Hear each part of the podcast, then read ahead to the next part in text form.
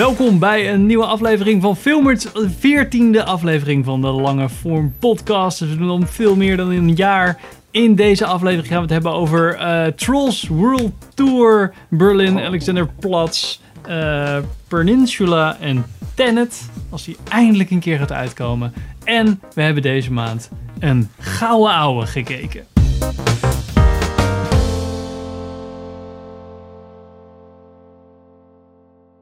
Welkom bij een nieuwe aflevering van Filmers. Ik ben Henk. Ik ben Sander. Ik ben Pim. En we gaan vandaag beginnen, zoals altijd, natuurlijk met de voorbeschouwing in samenwerking met Filmdomein. Richard is alweer op vakantie. Het klinkt Ja, heel decadent. En dat is het Ja. eigenlijk ook wel. Ja, dat is Zijn- echt super decadent. Hij heeft zijn mijn wel- vakantie gestolen. Welverdiende tweede vakantie volgens mij. En eh, second in een maand. vacation? eh, afgelopen eh, twee dagen geleden was hij vijf jaar bij Filmdomein, zag ik. Geen spatader veranderd. En, eh, dat is een grapje van Herman Vinkers. Yep. Voor de jonge kijkers onder ons. Classic. Sander. Ja.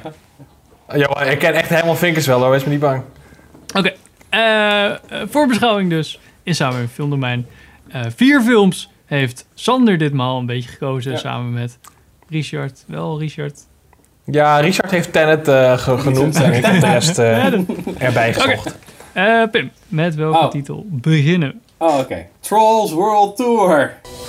Our ancestors created six strings, each for a different type of music. Trolls World Tour is het vervolg op de familiefilm Trolls van DreamWorks Animation. Die we ook kennen van Shrek, Madagascar en Kung Fu Panda. De regie is van Walt Doorn en David P. Smith. Is met Anna Kendrick, Hank, Justin. Timberlake en James Corden. Hij komt uit op 5 augustus. En interessant feit, dat is die film die toen eh, de bioscoop heeft omzeild. En toen eh, direct naar eh, On Demand is gegaan tijdens die COVID shit. En toen Ja. zei AMC Theater zo van... Ja, we blokkeren alle uni- Universal films komen er bij ons niet meer in. Van... Oké. Ja, ja. Dat was, Oké. dat was dat gedoe. Als mensen dat nog zich kunnen herinneren. Ja, ik kan, me- ik kan Ja. me wel herinneren dat we het erover gehad hebben, ja. Previously. is super duper eh, succesvol volgens mij.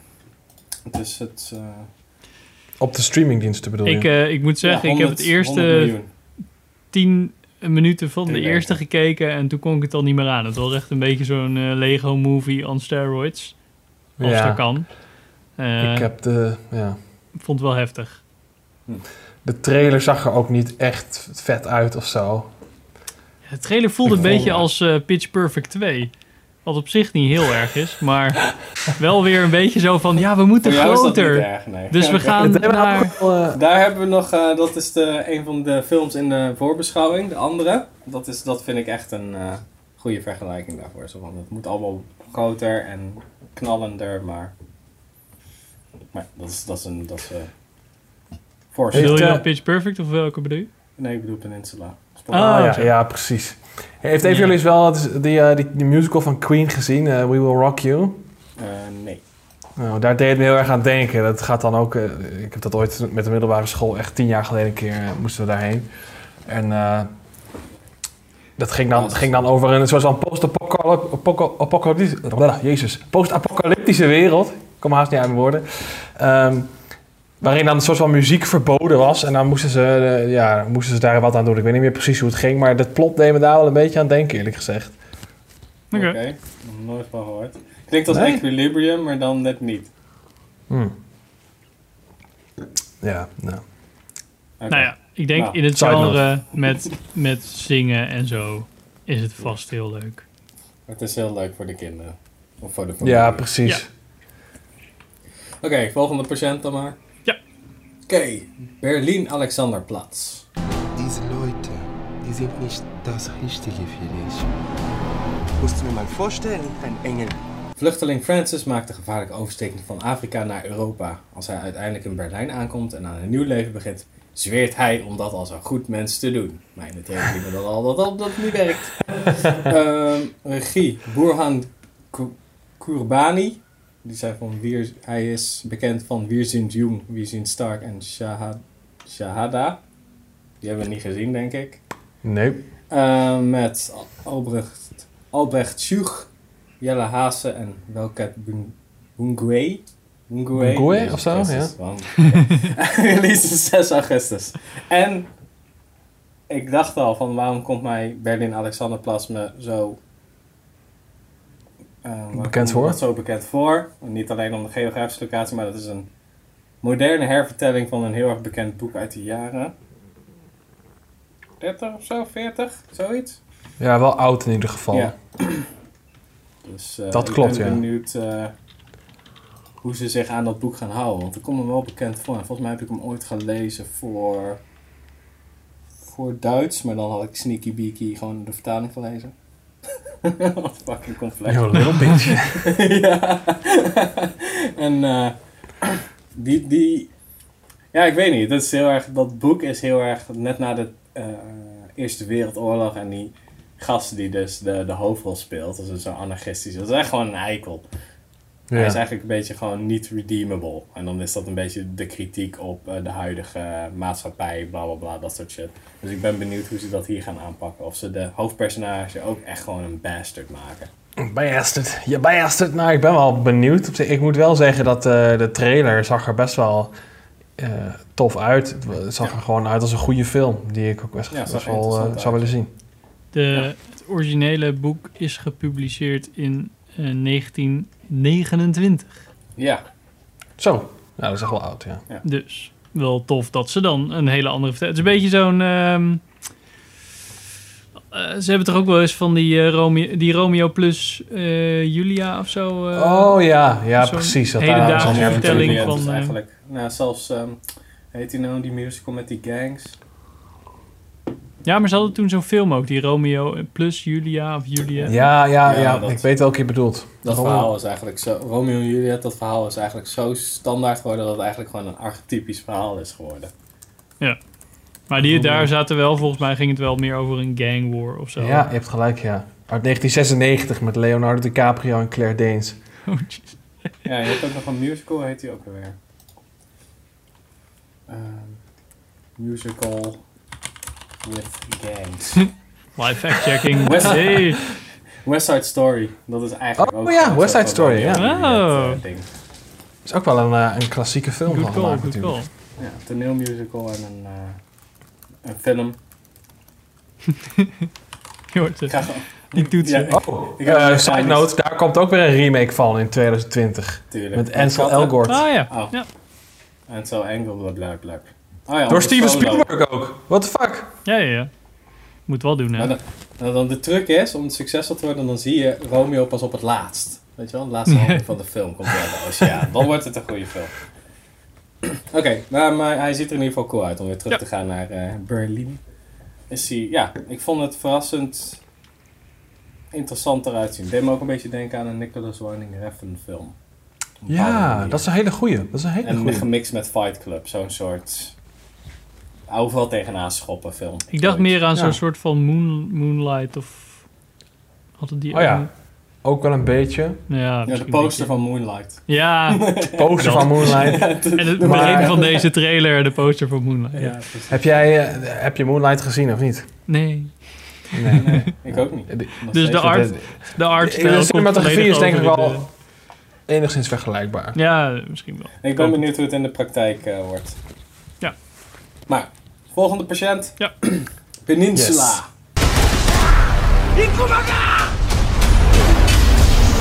Sequel op Train to Busan van 2016, wat een hele toffe film is. Ja. Vier jaar na de zombie-uitbraak in Zuid-Korea is Zuid-Korea overspoeld door zombies en in quarantaine gezet voor de rest van de wereld. Regie van Sang Ho-yeon, Train to Busan en The King of Pigs, die ken ik niet. Met Dong Won-gang, Yoon Hoon Lee en John D. Michaels. Oké, dat komt wel over. Release 13 augustus. en eh, ik ben heel erg teleurgesteld toen ik de Ja, trailer de zag. trailer zag er echt best wel trash Holy uit. shit man, oh my god. Zo van Train to Busan was echt heel erg tof omdat het super intens was. En heel nauw. Wat voor Ja. film was dat dan? Ook zo'n Dat was gewoon, er waren eh, een, een, een vader en een dochter. We zaten eigenlijk in een, eh, overvo- een volle trein op weg naar Busan. Dus waar zijn moeder, of waar zijn ex-vrouw woont. Dus de moeder van het kind. En, op die, en dan is er een soort van zombie outbreak. Maar daar zitten dus een paar mensen op die trein die heb- hebben dus ook die... eh, dus tijdens die reis is er dus een zombie outbreak en sommige mensen op die trein zijn ook geïnfecteerd. En dan groeit natuurlijk dat probleem in zo'n lange tube.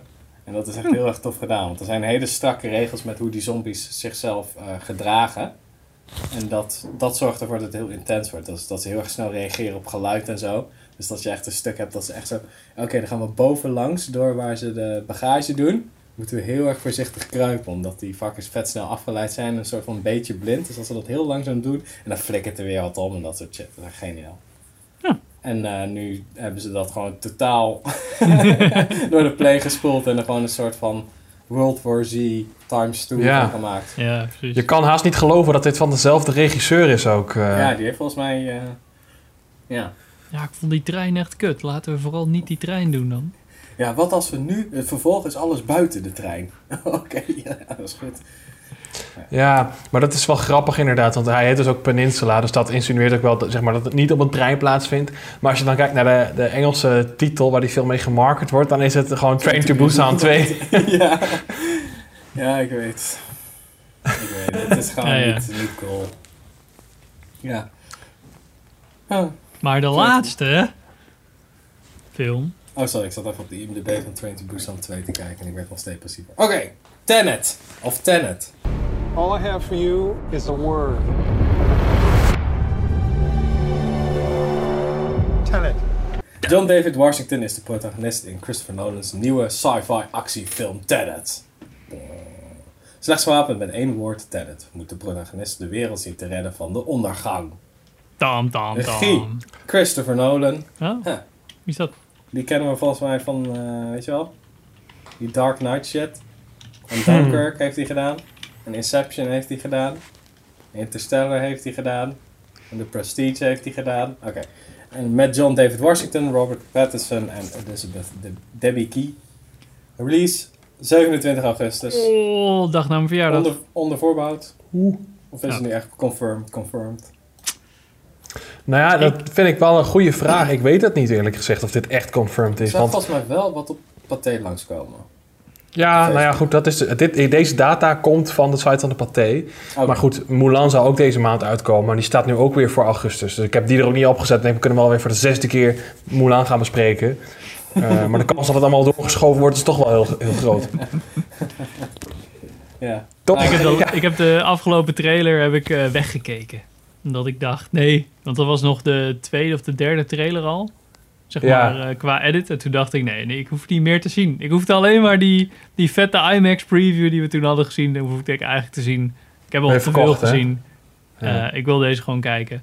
Ja, ik wil, ik wil het gewoon zien. Want ik vind altijd eh, Christopher Nolan dingen zijn in ieder geval visueel gezien heel erg interessant. En sommige, eh, de meeste ideeën van hem zijn tof. Dus het concept is meestal cool. En Dus de ja, precies. Beeld, hoe die, hoe die dingen met beeld doet, is meestal echt vet. Ook al zo min mogelijk special effects. Al zitten er soms wel special effects in, maar meestal ziet het er gewoon echt, gewoon echt goed uit. Zeker in een film waarvan je hier al hebt gezien dat het een beetje met tijd en zo gaat. Eh, Ik ben wel benieuwd hoe ze sommige camera trucjes hebben gedaan. Ja, ik denk dat er wel weer een aantal vette trucjes in zitten, inderdaad. Dat je echt denkt van, huh? Ik heb straks nog meer Christopher Nolan praat in de Oh, praattafel. Nou, als we er één mochten kiezen, welke zou het dan zijn? Trolls Ja, ik World denk- Tour! Ik denk allemaal Tenet, toch? ja, Ja. sowieso. Eh, wat nou als je Tenet niet mocht kiezen, dan denk ik dat het eh, voor mij in ieder geval Berlin, Alexander Ja, zou ja. zijn. Ja.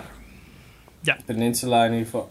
Ik zou, ja, Peninsula zou ik wel eerder kijken dan Trolls World Tour, maar het ligt niet ver van elkaar af.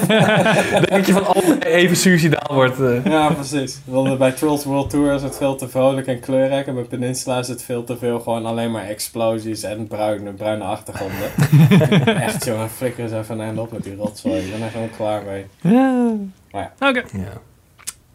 Ehm, gaan we nu naar onze enige film die we in de bioscoop hebben gekeken eh, deze maand. Maar wel de eerste bioscoopfilm die eh, Sander en ik in ieder geval... eh, Sinds corona. ja, sinds corona. eh, ik zat te kijken, dat was nog een derde. Maar dat was... Nee, niet, niet sinds Richard corona, natuurlijk. toch?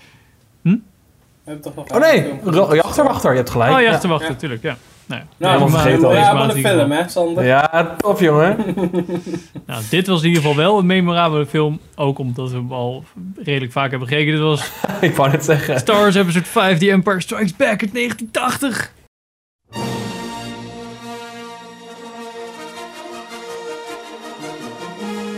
Yeah! Ik had een in Star Wars film. nog nooit in de bioscoop gezien. Nee. Nee, Ja, als ik één Star ik Wars film... Ik heb hem nog nooit in de bioscoop gezien. Ja, shame. Ehm, de film is van eh, Irvin Kershner. Die eh, in 1990 ook Robocop 2 heeft gedaan. En in 1983 ook Never Say Never Again. Oké. Die, die ene, niet de James Bond film. eh, met eh, eh, eh, Sean Connery. Ja. Die dan niet in het lijstje zit, maar waar die eigenlijk ook niet zegt... Of waar die wel zegt dat het James Bond is, maar die niet in de James Bond lijst zit. Maar ja, ze wilden toch geld verdienen. Is dat zo? Ja, is dat dat- officieel geen James Bond film? Heel verhaal. Heel, ja. eh, Het is maar buiten de trademark om of zoiets. Ja, zoiets. En, en net niet, zeg maar, binnen de... Of net binnen de lijntjes, maar eigenlijk... Oh, eh, oké. nou, dat ga ik dan een keer opzoeken, want dat klinkt wel ons niet aan film, is dat. Ja, volgens ja. mij. Maar wel met het spektakel wat je zou verwachten. Nou, in ieder geval... En met de acteur die James Bond vertolkt, ook in een smoking, die ook martinis drinkt. Die toen Ja, een keer zei, ja, ik ga nooit meer eh, eh, James Bond spelen. En daar komt eigenlijk de titel vandaan. Want never say never again. Oké. Ah. Eigenlijk doet Daniel Craig nu hetzelfde. Dat zei hij ook voor de laatste. Van, ja, ik ben nu al klaar. Na Spectre ben ik klaar. Ja. Dan zag hij dit check. Toen zag hij, oké. Maar eh, deze film was in ieder geval met Harrison Ford, Mark Hamill, Carrie Fisher en Sander in het kort. Waar gaat de episode? Ja, moet ik dat vertellen? Dit is eh, een van de bekendste films of all time, volgens mij. Nou, nou, nou. Is deze met Het, Ray? het, speelt, zich, het speelt zich af na de, eh, na de, ja, de events van Star Wars Episode 4, Wat gebeurde A daar? New Hope. En eh, ja, het begint eh, met de, de rebellen worden aangevallen door de Empire. En eigenlijk de film... eh, Ah. Wat eigenlijk gebeurt is dat ze zich allemaal een beetje uitspreiden. Mark Hamill gaat naar, eh, naar Dagobah, naar eh, een, een groene knakker genaamd Yoda. Gaat hij trainen. Boy Yoda. En eh, de, de andere groep is eigenlijk de hele film een beetje op de vlucht. Totdat ze op een gegeven moment bij Landale Calrissian aankomen in een stad in de wolken. Wow, dit, is gewoon, nou. dit is gewoon gejat van eh, Rise of the Skywalker. Van George Lucas. Ja. En dan shenanigans and shoe. En het is gewoon fucking vet. Er zijn lightsabers en er is een, eh, een plot, de grootste plot twist of all time misschien wel. Eh, het zijn gewoon toffe shit. Oh, dat je erachter komt dat eh Leia Luke's zus is. Die plot twist. Nee, dat is de volgende film. Ja, ik merkte wel dat ik het een beetje een... eh, ik, ik verwachtte wel meer daarna. Dat was wel, het voelde wel... Ik had hem toen ook wel een keer gekeken, de making-of gekeken. Toen zeiden ze ook wel van, ja, het is echt zo'n... Die Irving Kershner die had ook zoiets van, ja, het is echt een tussenfilm. Dus je moet ook echt daarna het idee hebben van, ja, maar ik wil ook zes kijken. Maar er is ook. Ik, ik had ook zoiets van, ja, ja, er moet nog even wat gebeuren. Ja, nee, het is, wel, het is echt wel een tweeluik, dat is wel waar. Ja, Maar ik vind, ik vind dit wel, ondanks dat het, ik ben het met je eens, het is een tussenfilm. Dus het heeft niet echt inderdaad een, een begin, een midden en een eind. Eh, of ja, dat heeft het wel, maar het smaakt wel naar meer. het heeft niet, Niet echt alles een, is een knal einde. Het is een beetje, het, Nee. is wel, het is wel qua plot, maar niet qua spektakel. Nee, het, het is een beetje zo'n einde, weet je wel. Ja. Dat hij daar zo hangt onderaan die stad en dan wordt hij opgepikt en dat is het eigenlijk. Ja. Ehm, maar ik, ik vind dit wel, dit is mijn favoriete Star Wars film. Ik weet niet zo goed waarom, maar ik vind deze gewoon heel tof. Ja, snap ik ergens ook wel. Ik, vond, ik vind in ieder geval het begin echt heel goed. Zeg maar, die, die eh AT-AT, sneeuw? eh, het AT-AT-gevecht, zeg maar, in de sneeuw en alles. Dat, De- dat Hoth, echt ja. wel... eh, dat is echt heel goed gedaan. En als je dat nu kijkt, dan denk ik nog steeds... Het is echt heel erg goed gedaan. Ook met al die... Ja. Het is ook een beetje natuurlijk dat... Ik zat ook te kijken, wat is het nou omdat het nostalgisch is? Of is het nou daadwerkelijk omdat het goed is? Maar omdat... Ja, als je dan van die CG... Ja. Want er zitten ook van die CG-shots die dan in 2004 of zo zijn toegevoegd volgens Ja, mij. ja, door, ja. Dus dat ja, erin, George is Lucas. En dan De denk je echt van, ah, dit is echt super lelijk. Maar dan al die is effecten die nu van, van het lopen van die AT-AT's en dat die vliegtuigen die er doorheen gaan, dan denk je echt van, man, nee, dit ziet er echt goed uit gewoon. Ja, dat ziet er echt super vet uit. Je hebt één zo'n shot inderdaad, zo'n establishing shot van Cloud City, die er later is toegevoegd dat je helemaal zo, zo'n vliegtuigje volgt die helemaal zo door die stad eh, zweeft en de camera die beweegt helemaal mee, zodat je echt denkt, dat past zo niet Nee, in, de, in de, gewoon de, ja, Hadden ze de gewoon stijl als een van de dikke rest van de film. moeten maken. Dat is een probleem Ja. als, eh, als een regisseur te veel capsones krijgt. Of dat, ze, dat hij niet te lang nadenkt over, oké, we moeten, dit moet er echt super goed uitzien. Dus we moeten geen, geen shortcuts nemen, dit moet gewoon tof zijn. Ja, we moeten heel voorzichtig zijn. En George Lucas zegt gewoon... Ja, kan je in 3D ook vliegtuigen maken en dan vliegt hij door de stad. Maar, maar George, dat past helemaal niet bij de, de toon van de film en de P. Ja, nee, doe maar gewoon. Nou, hebben we ook nog... eh, hebben we ook nog Anakin in 3D? Zo, dat soort shit, weet je wel. Ja, ja. Hij zal vast wel iets van... Ja, die is ook nog inderdaad... eh, fix it. CG-afdeling van eh, Lucasfilm of zo daarmee hebben kunnen spekken van... hé, hey, we hebben nu heel veel geld gekregen, nu kan je in ieder geval heel veel R&D doen om, om dit soort shots te maken. Maar zelfs in 1999, toen episode 1 uitkwam, hadden ze nog het verstand, zeg maar, om van die grote wide shots met, met veel grote modellen te doen. En met Ja. zout ja, als, eh, als, matte eh, paintings. als regen of als eh, watervallen en dat soort dingen om het er echt uit te laten zien. Dan ga je in Ja. 2004 ga je, ga je oude films verklooien met 3D-effecten. Ja, dat is ernstig. Maar dit was En dan dus ook eh, weigeren om gewoon het origineel nog Ja, ja. beschikbaar, Nee, is beschikbaar, ja. te maken. ja, Dat ja. vind ik nog het ergste. Jezus, fucking ego-trip shit. Ik, zat, ik vond het heel grappig om te... als, je, als jullie nog een keer eh, episode 5 gaan kijken... ehm, ik zat het, het heel erg eh, te letten op Yoda. Want ehm, ik vond hem heel vaak, zeg maar... Dat, dat, ik had het idee, kan hij nou zijn ogen niet bewegen? Hebben ze het nou zo gemaakt dat hij of zijn ogen kan bewegen... of zijn mond kan bewegen? Want je ziet hem de hele tijd praten, maar dan heeft hij echt zo'n death stare. en toen op een gegeven moment, in twee shots of zo... kan hij zijn ogen bewegen. En toen zat ik zo van, huh? Maar waarom nu wel? Maar hij beweegt ook Ja. volgens mij zijn mond daar een beetje. Dus Ja. Ja, het is ook een product van de tijd natuurlijk. Dat is, dat is denk ik wel een van de dingen die... Ja, ja je ziet gewoon dat je naar een pop zit te kijken. Dat, ja, maar dat vind is, ik echt ja. bizar. Want aan de ene kant... Is Eer- een zat ik te denken van-? Ja, Is het een eh, restauratie of niet? nee. Ja, ja, ik zat nog te denken van... eh, Zouden ze die ogen dan later nog aangepast hebben? Maar dat waren dan... Dat is dan ook niet de hele tijd geweest. Dat is dan maar een paar shots waar hij even heen en weer kijkt. En wat ik dacht van... Oh, dit ziet er super vet uit. Maar dan in de eerste shots van eh, Yoda... zie je gewoon de, hele tijd dat hij zijn ogen helemaal niet beweegt. Waardoor je eigenlijk denkt van... Hmm, als ze dat wel hadden gedaan... Of in ieder geval een heel klein beetje... Dan had hij nog iets minder... Had hij meer aanwezigheid, denk ik, in zijn, in zijn performance. Maar ja, nog steeds vind ik het een heel vet karakter. Maar Misschien dachten ze dat je het niet zou zien met die belichting. Ja, het zou kunnen. Dat ze daar boeien. Ja. Dan we het niet. Nou ja, ik denk dat ze ook gewoon... Het was ook denk ik gewoon een kwestie van... Ja, geen alternatief hebben, weet je wel. Dit was gewoon de enige manier om Ja, zoiets dat- te doen destijds. Maar vooral waarom dan de ene keer wel en de andere keer niet? Dat, dat... Ja, nee, dat snap ik wel. Misschien ik denk dat dat het idee misschien... wel rond dat hij misschien eh, een soort van blind was of zo.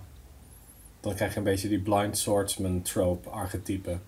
Hm, ja, dat kan Ja, me nog wel dan hadden bij ze zijn voorstellen. ogen misschien ook meer grijs gemaakt. Ja, ik weet het niet. Dat vond ik wel interessant. Ehm, en ik, oh ja, en als je, eh, als je nu nog een keer oplet, en de Harrison is gewoon echt een ass. Gewoon de hele, gewoon de grootste gedeelte van de film lang is die gewoon zo van, ja, maar je vindt me wel leuk, hè? En die Carrie Ja. zegt, nee, gast, flikker op. Ja, maar je vindt me wel leuk. Ja, maar je wil niet dat ik wegga. Wat een dit, doe normaal.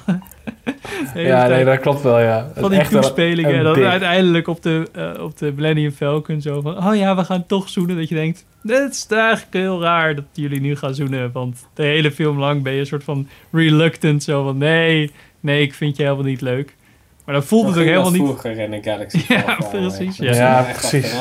Chivalry is dead. Dat was wel eh, hard to get. Dan Ja. was het niet zo... Hé, hey, prinses, accepteer. Ja, precies. Dan, was, dan ging dat niet. Nou, leuk om eh, dat soort films nog een keer te kijken. Kan je jullie zeker aanraden om Ja, oude films nog een keer in de bioscoop te gaan kijken. Ik zag ook dat, of eh, een collega van me die had nu eh, volgens mij de eerste of tweede Harry Potter ook in de bioscoop gezien. Ah, 4DX. oké. 4DX zelfs, jemig. Vond hij niet per se direct geweldig, maar wel leuk dat ze het zo gedaan hebben, denk ik. Moet het nog steeds zelf een keer ervaren of het eh, echt iets toevoegt. Ze hebben Ja, waar ze- wat is er dichtbij zijn? In Nijmegen of zo? Ja, toch? Nijmegen. ja. Voor ons. Oké, heb jij nog iets te zeggen, Sander, over deze film? Nou ja, Goed, ik ben fan van Star Wars. Dus Niet meer. Nou ja, ik ben nog steeds wel fan van de, van de originele hoor. Zeg maar 4, 5 en 6 vind ik nog steeds tof. En ja, 1, 2 en 3 hebben toch nog steeds ook wel een beetje, gewoon puur uit nostalgie, een plekje in mijn hart. Maar ja, de hoop op inderdaad nieuwe, nieuwe toffe Star Wars content heb ik wel een beetje opgegeven. Alhoewel, Mandalorian. nou, alhoewel inderdaad, weet je, dingen die daarnaast bestaan kunnen best tof zijn. De Mandalorian vond ik ook tof. Maar Oh, de films. ehm, de hoop op inderdaad echt zeg maar een, een, een continuation van de Skywalker saga. Wat toch altijd wel zo van de, de droom was van elke Star Wars fan. Eh, ja, dat, dat is gewoon de keiharde realiteit. Dat, dat, dat is er nu en het is gewoon kut. Ja, dat eh, ja, kun je niks aan doen. Dat hebben ze goed verkracht. Helaas. Ja, I'm Ray Skywalker. No, that's a lie. That's fraud. ja, ja. Identity theft is not a joke! ja, ja, precies. Hang op. Klik weg. Ja, nee, goed. Maar ik vind het wel, dat vind ik misschien wel het enige voordeel van het hele corona-gezeik, dat, het, eh, ja, dat ze wat oudere films weer, weer in de bioscoop draaien. Dat is echt wel een hele leuke manier om dingen, of die, je- die je wel kent en nog een keer in de bioscoop wil zien, of dingen ja, die je eigenlijk al jaren op je lijstje staan, zoals Gladiator heb ik nog nooit gezien. Maar ik zie dat die binnenkort in Pathé komt, dus dat is dan wel tof om er dan... niet bij. Hoezo is hij Gladiator fan? Gladiator nog nooit gezien, Sander. Nee, erg hè? Ja, ik vond het wel jammer. Ik heb Apocalypse Now gemist in de bios. Ik zat dus van, oh ja, dan moet ik een keer heen. En toen twee weken later, wacht. Oh, kak. Hij draait niet meer. Ja, dat is wel het ding met die films, dat ze gewoon niet zo lang draaien. Ja. Die had ik echt wel een Dolby Atmos willen zien als ze die hadden. Oh my god. Dat was inderdaad wel vet Ja, geweest. ik zou het wel Had vet vinden graag als je dan denkt van... hé, hey, ik wil mijn kind een keer naar... ik wil een kind Star Wars laten ervaren... dat je dan ook gewoon gelijk in de bios... dat je gelijk die hele ja, ervaring ja, dat is wel van- vet, ja. Maar dan moet hij wel, eh, weet ik veel... tien zijn of zo. Ik moet zeggen, denk dat jouw kind daar nog iets voor is. Zijn ogen blokkeren terwijl, eh, terwijl al die CGI bullshit van Ja. George Lucas... eh, ja, precies. Oké, gaan we door naar het filmnieuws van deze week. Of deze Nou, maand. deze maand. Misschien deze week. Sander. Ja, Oh, nou ja, goed. We hebben natuurlijk niet zo heel veel te bespreken eh, deze maand. Dus ik dacht, ik zoek eventjes wat, wat nieuwtjes erbij. En er waren op zich wel wat interessante dingen gebeurd. Iets wat ik interessant vond, eh, jullie waarschijnlijk wat minder, is dat Terry Gilliam heeft aangekondigd dat hij een of, een of ander oud Stanley Kubrick project heeft opgeduikeld en dat hij dat nu gaat verfilmen. Natuurlijk wel op zijn eigen manier, dus het zal niet eh, een poging zijn om zeg maar Kubrick's visie naar het scherm te brengen, want dat is natuurlijk een beetje achterhaald. Maar ik vond het wel grappig, omdat weer eigenlijk iedere zoveel jaar dan, dan komt, duikelt er weer een bericht op van oké, die en die regisseur gaat die en dat ver- verloren project van Kubrick verfilmen. En nu dus weer. Dus ik ben heel benieuwd of hier wel wat van terecht komt. Want ik weet dat eh, twee of drie jaar geleden gingen er ook berichten te ronden. Dat, ik weet niet meer welke regisseur dat was, dat, eh, dat ze Napoleon zouden gaan verfilmen. Ook niet, nooit meer wat van gehoord. Dus ja, ik heb er een hard hoofd in. Maar ik ben Waar wel benieuwd. ken ik eh, Terry Gilliam ook weer van? Jongen, Eh, Terry Gilliam 12 is... Monkeys, eh, Fear and Loathing in Las Vegas. ja, precies. Ja, En die Heath Ledger film. Eh, ik- staat ja de de, Imaginarium of Dr. Parnassus. Ja. En Brazil. Brazil. En heeft hij ook... Ja, Dat The was Man Who ook zo'n Killed Don. Quixote. Die Heeft hij ook toen gedaan. waar een regisseur doodging, maar dat ze toen met zes regisseurs hem af hebben gemaakt of zo? Was dat die Imagineering of... eh? Nee, Ja, dat is, dat met Heath Ledger. En toen speelde Ah, ja, hij Ja. ja. Nee. Spoiler, Heath Ledger gaat dood. Ja, precies. En toen gingen de... Ja, daar waren we met vijf andere acteurs. Ja. Daarom Ja, ik vind Terry Gilliam maakt altijd vette, vette films. Maar dan volgens mij in het echt van, is het echt zo'n zeikert, joh. Dat is echt heel vreemd. Ik zou het niet weten. Ik vind het echt een beetje een zak, een zak eigenlijk.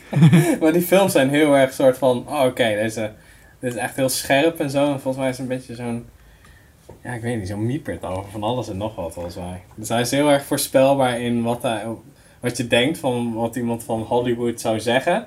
Maar zijn films zijn juist heel erg, weet je, die staan er een beetje boven. Die zweven er een beetje overheen. Dat is echt heel vreemd.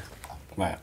Ja, hij maakt natuurlijk niet hele eh, traditionele ja, Hollywood films of zo. Ja.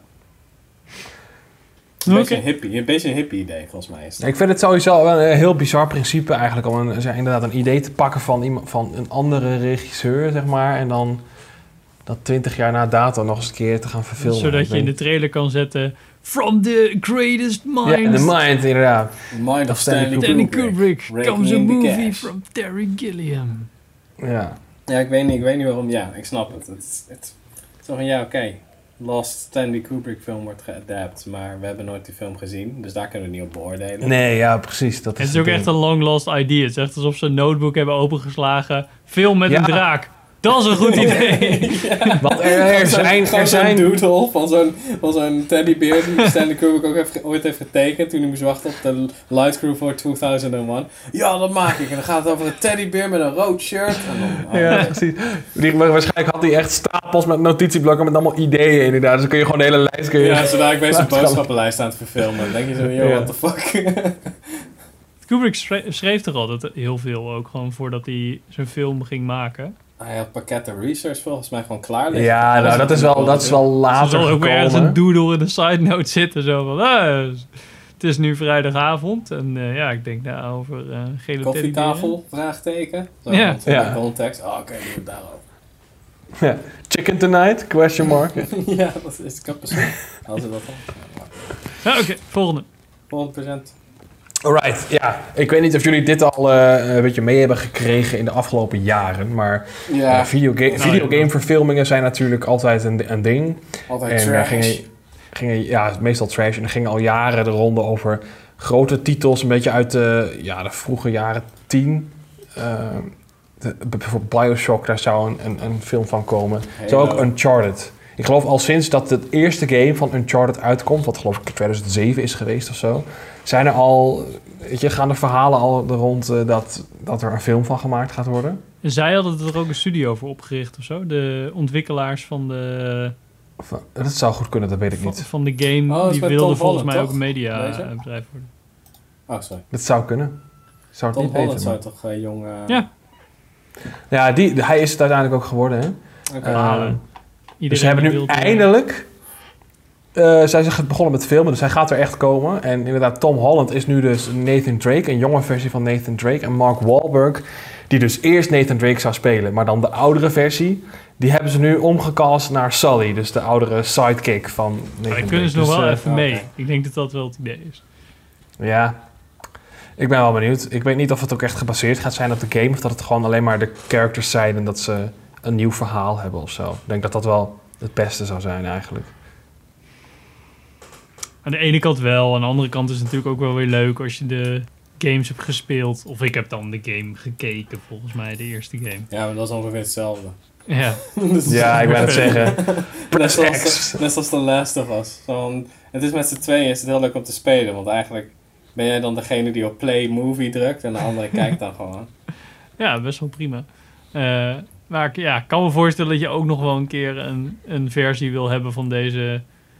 Die wel echt gebaseerd is, zeg maar, van... Oké, we doen echt de eerste film of zo. Maar dan echt eh, iets herschreven natuurlijk wel als plot.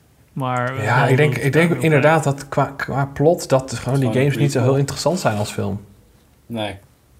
Ja, deze zat tenminste nog wel meer arc in dan de normale.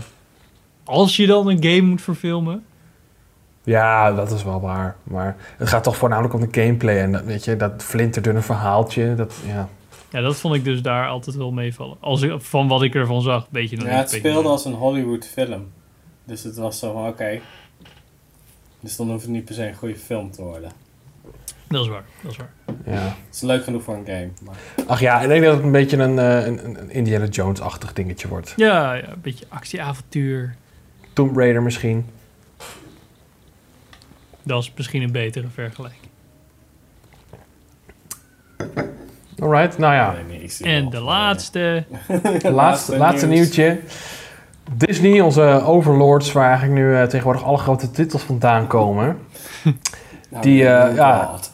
Our New God. Ja, die hebben eigenlijk besloten, volgens mij, om gewoon het hele blockbuster seizoen dit jaar maar te skippen. Ze hebben Mulan, waren ze al heel lang aan het doorschuiven. Die hebben ze nu dus, eh, nou, voor onbepaalde tijd uitgesteld. En Avatar, de nieuwe Avatar film, die volgens mij al een keer eerder een jaar is uitgesteld. Die is nu nog een jaar naar voren geschoven. En Star Wars is ook naar voren geschoven met een jaar. Dus eh, oh, oké. Welke Star Wars dan?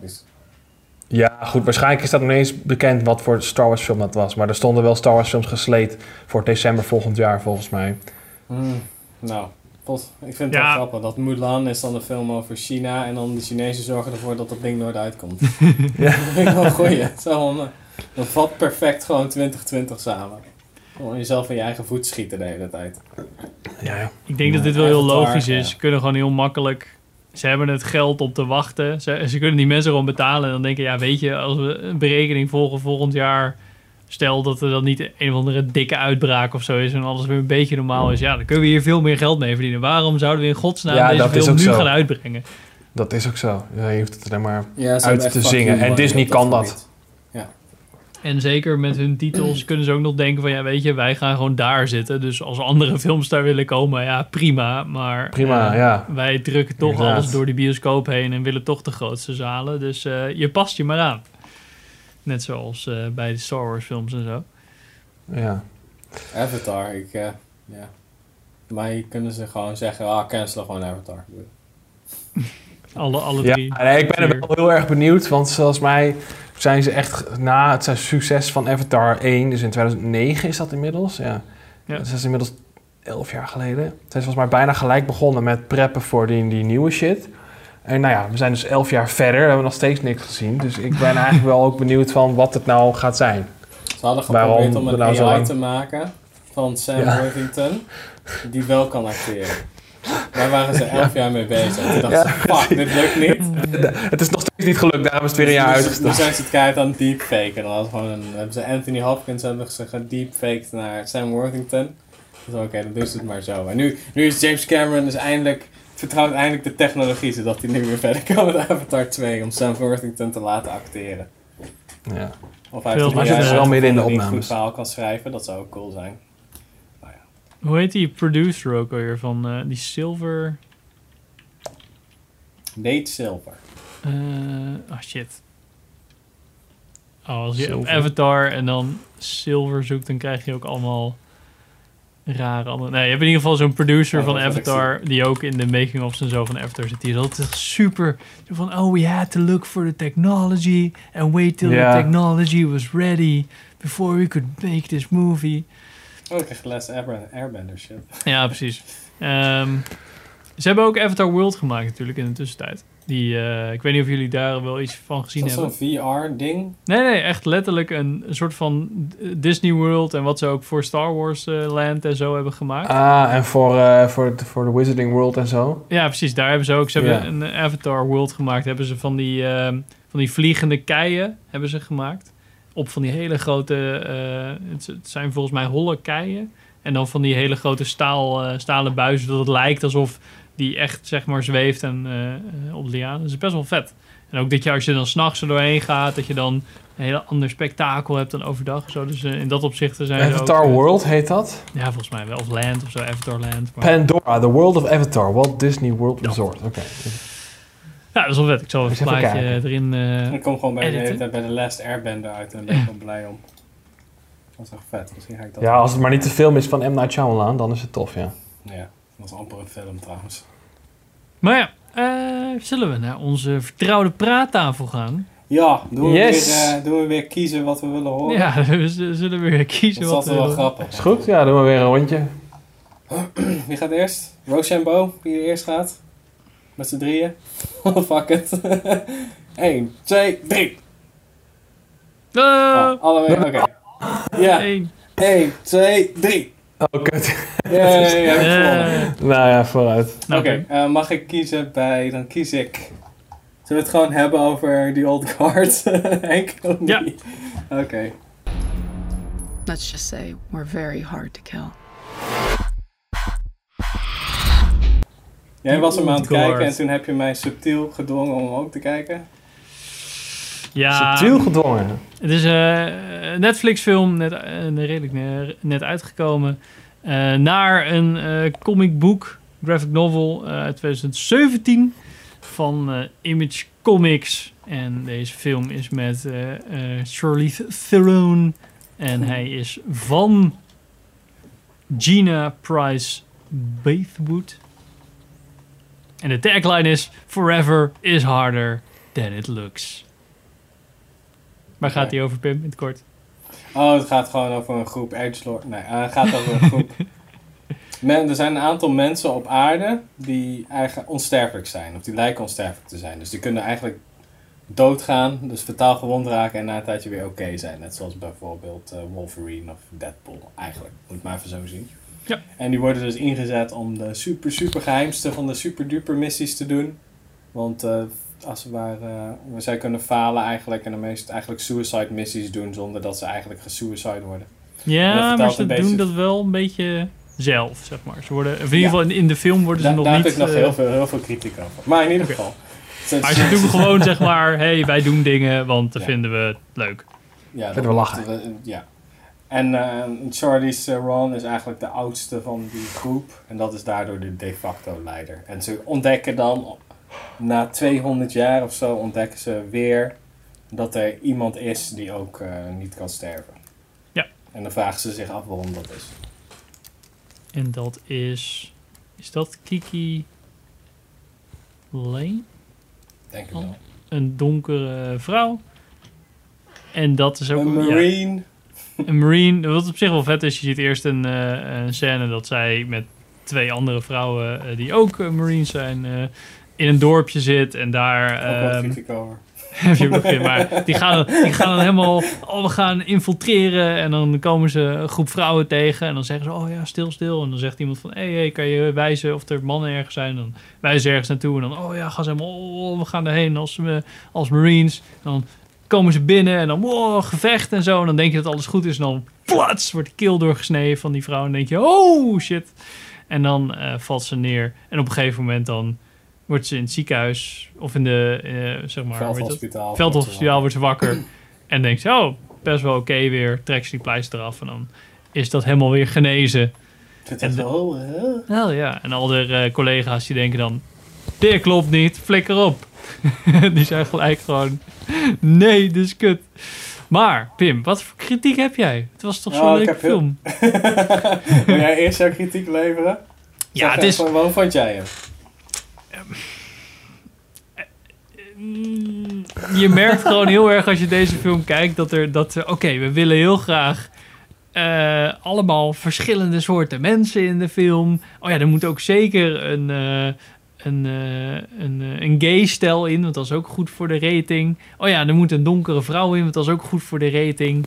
En Ja, ja, het is allemaal een beetje bij elkaar geraapt, maar uiteindelijk ja, is het een heel dun verhaaltje. Dat is wel. En die, um, hoe heet die ook alweer? Ik kan zijn naam nooit goed uitspreken. Chiwetel. Uh, Chiwetel Ejiofor? Ja. Oh, Black Panther? Uh, nee. Is dat, nee, maar wel die kant op. Uh, Dat is die een, ook, hij is eh, een hele goede acteur. Hij speelt ook in, uh, in uh, de film van Serenity. Film over... 12 Years a Slave. Daar speelt hij ook in, ja. Oh, oh ja. Ja, oh, ik hij heb is de verkeerde guy in ook- mijn hoofd. Children of Men zit hij ook in. Ja. Uh, die, zit er, die, die maakt het bijna wel... Ja, die maakt het dan weer iets beter... dat hij af en toe dingen uitlegt dat je denkt... oh ja, dit is dan wel oké. maar ja, Charlize Theron zit ook een beetje in mijn, in mijn cringe list. Dus ja, Oh ja, ja. ja. ik kan ook niet zo heel veel over zeggen. Maar eigenlijk aan het begin worden, worden, die, worden, worden de onsterfelijken worden in een hokje geleid. En dan worden ze neergepoft op camera. En dan... Oh, oh, ze worden weer wakker. En dan worden ze helemaal weer... Oh, dan worden al die mensen die worden weer afgemaakt, zeg maar, die, ze, die hen beschoten hebben. Dat je denkt, had deze deur dicht gedaan? En dan was het hele probleem klaar. Dit had zeg maar aan het begin van de film klaar kunnen zijn. Je weet toch dat je hiermee te maken... Nee. Ja, sowieso. Het is echt gewoon... Uh, aan het einde werd het wel iets leuker om naar te kijken, maar ik moest er echt doorheen. Ik zat echt zo, oké, deze moet ik echt afkijken voor het film wordt. Space moet van einde was het zo van, oké, hier zit een soort van iets cools in. Ik was zo naar boven, heel iets, zo. Ja, Maar, uh, het is ja, natuurlijk lastig. Met onsterfelijk is het lastig, want ze zijn onsterfelijk. Dus dat is, dat is gewoon een Superman-probleem. Ja, precies, maar dan maak je... Kijk, ja, dat is, dat is een beetje het ding. Dat weet je van tevoren. Dus daar kan je wat aan doen. Ja, ja, precies. Daarom ben ik... One Punch Man doet dat perfect. Zeg maar, iemand die overpowered is. Dat is het hele ding van die, van die anime. Shout-out to anime. En dan, komt de, dan, dan heb je dus eigenlijk zijn... Het probleem is dat niemand hem gelooft dat hij zo sterk is. Dus iedereen verzint een ander verhaal. Van, oh nee, ja. Hij was al, eh, die vijand was al verzwakt toen hij hem in één, één klap neersloeg. En hij verveelt zich de tyfus, want hij heeft geen uitdaging. Dus hij slaat gewoon alles in één keer kapot. En dan is het van, ja, dit heb, die, hier heb ik helemaal niks aan. dus hij was aan het begin heel erg idealistisch. En aan het einde is het gewoon... Hij wil nog steeds een held zijn, maar het is te makkelijk. En hij vindt dat een held zijn is juist iemand die... Zelfs als alles tegen is, dan gewoon nog doorgaat. Iemand met echt een soort van eh, courage. Maar dat, dat kan je dan doen. Met Immortals kan je eigenlijk, dat kan je ook doen. Want ze leven echt vet lang. Charlize Theron is eigenlijk super cynisch en dat vond ik wel interessant. Die was eerst, dan eh, kan je ooit wel denken van oké, die was ooit idealistisch. Of oké, we hebben deze macht en we willen, weet je wel, we kunnen overal naartoe, we kunnen lang leven. Dus we kunnen eigenlijk een soort van de geschiedenis in de gaten houden, zoiets. Maar daar, ze werd, ze werd dan echt super cynisch en niks maakt meer uit. En bleh, al die nihilistische gelul. En dan denken ze dan gewoon niet... Ja, dat- ja, dat is ook zo de 13 in een dozijn, 13 jaar oude atheïst shit. Is echt zo van, ja, kom nou. Dat is dat, al die argumenten hebben we wel een keer gehoord. Maar, ik had even een lijstje gemaakt. Van, oké, de kledingkeuze aan het begin al zat ik op. Dat was bijna al reden genoeg om me uit te zetten. Zo van, ja, ze is super undercover. Midden in een Af- eh, Afghanistan of Iran of Pakistan. Dan heeft ze alleen maar zwarte kleding aan met die domme handarmdingen. Zo van, ach, flik, het- Jongens, zit je in een emo-band of ben je een soort van... weet je, wat de fuck is dat? Ja. En dan, dan hebben ze dus eh, zwarte kleding aan. Zo van su- super onpraktisch. Allemaal andere soorten gear hebben ze dan aan. Je zou dan denken dat ze, als ze zo lang bij elkaar zitten als team, dat ze perfect op elkaar ingespeeld zijn. Dus dan is alles soort van gestandaardiseerd. Want ze hebben dit al honderden, duizenden keren gedaan. Dat zou je denken, maar oké, whatever. Ze hebben niet eens night vision goggles. Oh, we doen het s'nachts. Oké. In de woestijn. Oké. En Dan, ben je eigenlijk dit aan het doen. Dat werkt voor geen ene flikker. Je ziet toch geen ene ruk. Nou ja, in ieder geval. Eh, Ja, maar ze waren ook niet... Ze, ja, ze zijn aan de ene kant wel een legit team, maar ook weer niet, zeg maar, nergens funded of zo. Dus je weet, behalve ja, door zichzelf of wat ze bij elkaar gejat. Dat is misschien dat het idee. Ze bij elkaar, bij elkaar zelfs- gejat. Dat deed zelfs Vin Diesel's film The Last Witch Hunter deed dat beter. If you die in there, you die out here. Hij is dan ook onsterfelijk en wat heeft hij gedaan? Hij heeft gewoon overal een klein beetje geïnvesteerd. En hij hoort dan bij zo'n orde die dan, eh, een soort van hele eeuwenoude orde, die ook wel heksen jagen. En hij zorgt ervoor dat die allemaal een beetje zijn shit doen. En hoe, ma- naarmate je ouder wordt, meestal hoe meer geld je hebt, soort van over het algemeen. En dat is dan een soort van super exponentieel gestegen als je onsterfelijk bent. Gewoon vroeger Dus dat- rente, ja. zeg maar. ja, precies. Alleen dat al. Of gewoon overal gewoon in allemaal kleine techbedrijfjes investeren. En dan groeit dat uit tot Ja, miljarden. Dus dan verandert je 10 euro in een miljard bijvoorbeeld. Omdat je vet lang kan wachten. Dat soort shit. Maar ja, in ieder geval is het allemaal bij elkaar gegrepen shit. En ze hebben gewoon 0, je kan gewoon zien dat ze 0,0 ervaring hebben. Terwijl ze dat wel zouden moeten hebben. Ja, ja. Nou ja. Dus dan zo van, ja, ik wil niet op de foto. Dus dan maken die vrouwen een selfie, weet je wel, aan het begin. En dan zo van, doet zij zo, ga, kijkt zij zo weg. Of dan neemt zij de foto. Maar dan wel, oké, ja, we hebben een super geheime missie. Overdag in de woestijn in zwarte kleding. Gewoon door een dorp heen lopen met allemaal rifles. Hoi, hoi, hoi, we zijn niet covert. dat soort shit. Dat is zo, ah. Maar ja, in ieder geval dat. Dat is, dat is het begin. Dat is, daar was het begin. En dan heb je die marine shit in Afghanistan. Blijkbaar heeft Netflix geen geld. Je kon dus geen headsets kopen voor de soldaten. Dus elke keer als je schiet hoor je piep. Want ze hebben wel radio's. Maar niemand heeft oordopjes. Hmm. Dat is echt zo van, what the fuck. En toen was ik echt gewoon, ik kon het echt niet meer hebben. Dus ik was na een half uur, had ik gewoon afgezet. Ik, moet, ik kijk dit morgen. Morgen ga ik verder kijken. Dus ik zat echt zo van. Ik vond het enige echt wat, wat er wel bij is gebleven, en de rest van de film niet. Dat is een beetje jammer. Maar wat ik wel een goed stukje, want er, elke keer dan ligt er een tipje van de sluier van... Oké, zij is heel oud en ze heeft dit ook meegemaakt. Wat, wat Ja. op zich nog wel grappig is. En ergens ze dus een, de, de tweede onsterfelijke die ze dan is tegengekomen... Die, eh, daar, daar was ze de hele tijd mee. En uiteindelijk waren ze, eh, zijn ze gepakt als heksen. En eh, werden ze veroordeeld. Er werden ze in de brand gestoken. Dat soort dingen.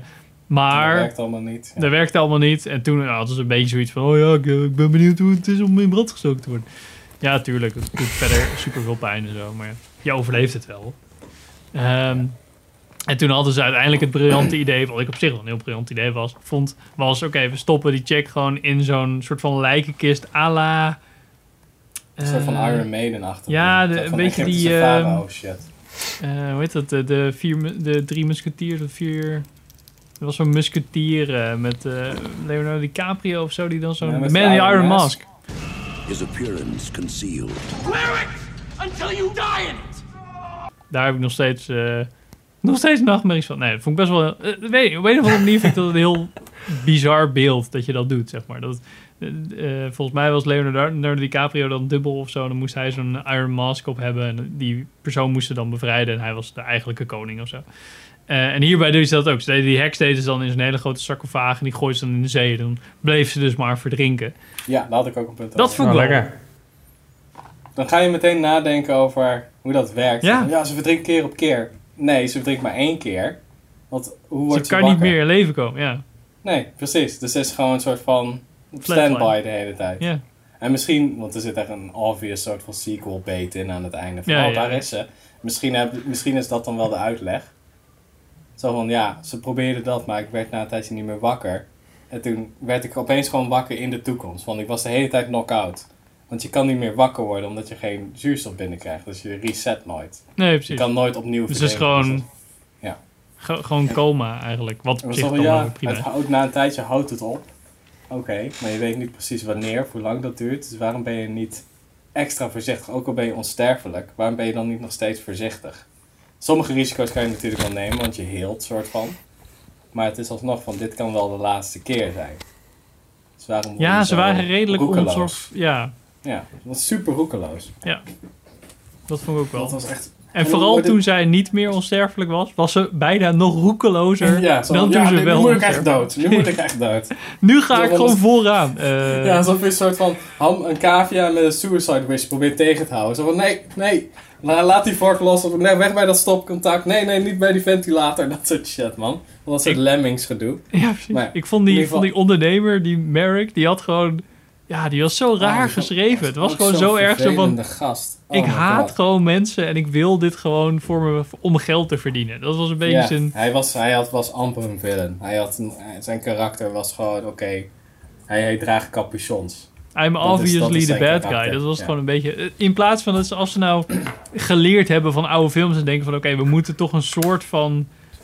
Ja, hij moet geloven in zijn eigen idealen. En niet zo... Er moeten zulke rare Ja. idealen zijn... dat het voor Ja. niemand geloofwaardig is. Dat, dat, ja, het moet niet een psychopaat direct zijn. Dan wordt het gewoon zo je wil raar. hem, eh, je, wil, je wil hebben dat hij een bad guy is met soort van een reden waar je...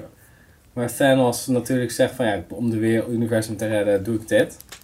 En hij moet eigenlijk zeggen, oké, ik wil de mensheid redden, want mijn moeder... Eigenlijk de motivatie die ehm, die dude is, die CIA-agent had, die had eigenlijk de vijand moeten hebben. Ja. Zo van, dus voor mij is het persoonlijk, dus... Ja. Het, ik, ik, ik, dit is, de, hier knoop ik me aan vast, omdat ik niks anders meer heb. En die andere gast was gewoon... Ja, ik ben eigenlijk een soort van Mark Zuckerberg, tech, medische dude. En ik wil gewoon heel veel geld verdienen.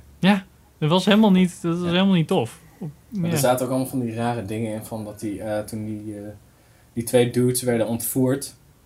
En dan slaan ze toch die gasten in elkaar. soort van als ze vervoerd worden naar dat vliegtuig. Ja. Dan doen ze zo deuren open. En dan zitten ze daar gewoon. En zijn die andere, al die bewakers knock-out. Zo van... Waarom, waarom doe je nu, nu niet wat? Waarom doe je niet als onsterfelijke, doe je dat niet? Er liggen gewoon letterlijk geweren recht voor je voeten. En dan ga je niet gewoon wachten zo... Oké, oké, deuren open, bam, bam, bam, bam, bam, Ja, precies. Nee, het was alsof ze er ja. gewoon geen zin meer in hadden en dachten... Oké, die gasten moeten gewoon even knock-out. Oh ja, we moeten voor het verhaal moeten wij gemarteld worden. En nu Dus wachten we dat wel maar even. even gaan doen, ja. Oh, Eh, wat een film. Ja, Echt zo'n zo'n verge- zo'n zo makkelijk vergetelijke film. Zo. Ja. En het enige aan het einde wat ik tof vond, is dat je eindelijk kon zien dat ze als team bewogen. Dat vond ik, vond ik wel heel tof. Toen leek het net van, oh, dit hadden ze eigenlijk aan het begin van de film moeten doen. Zo van dat ze eindelijk soort van dat het, dat het vloei, vloeiend voelde. Dus Ja. oké, en hij gaat die en die kruisen elkaar zo en bla bla bla. Dat was helemaal tof.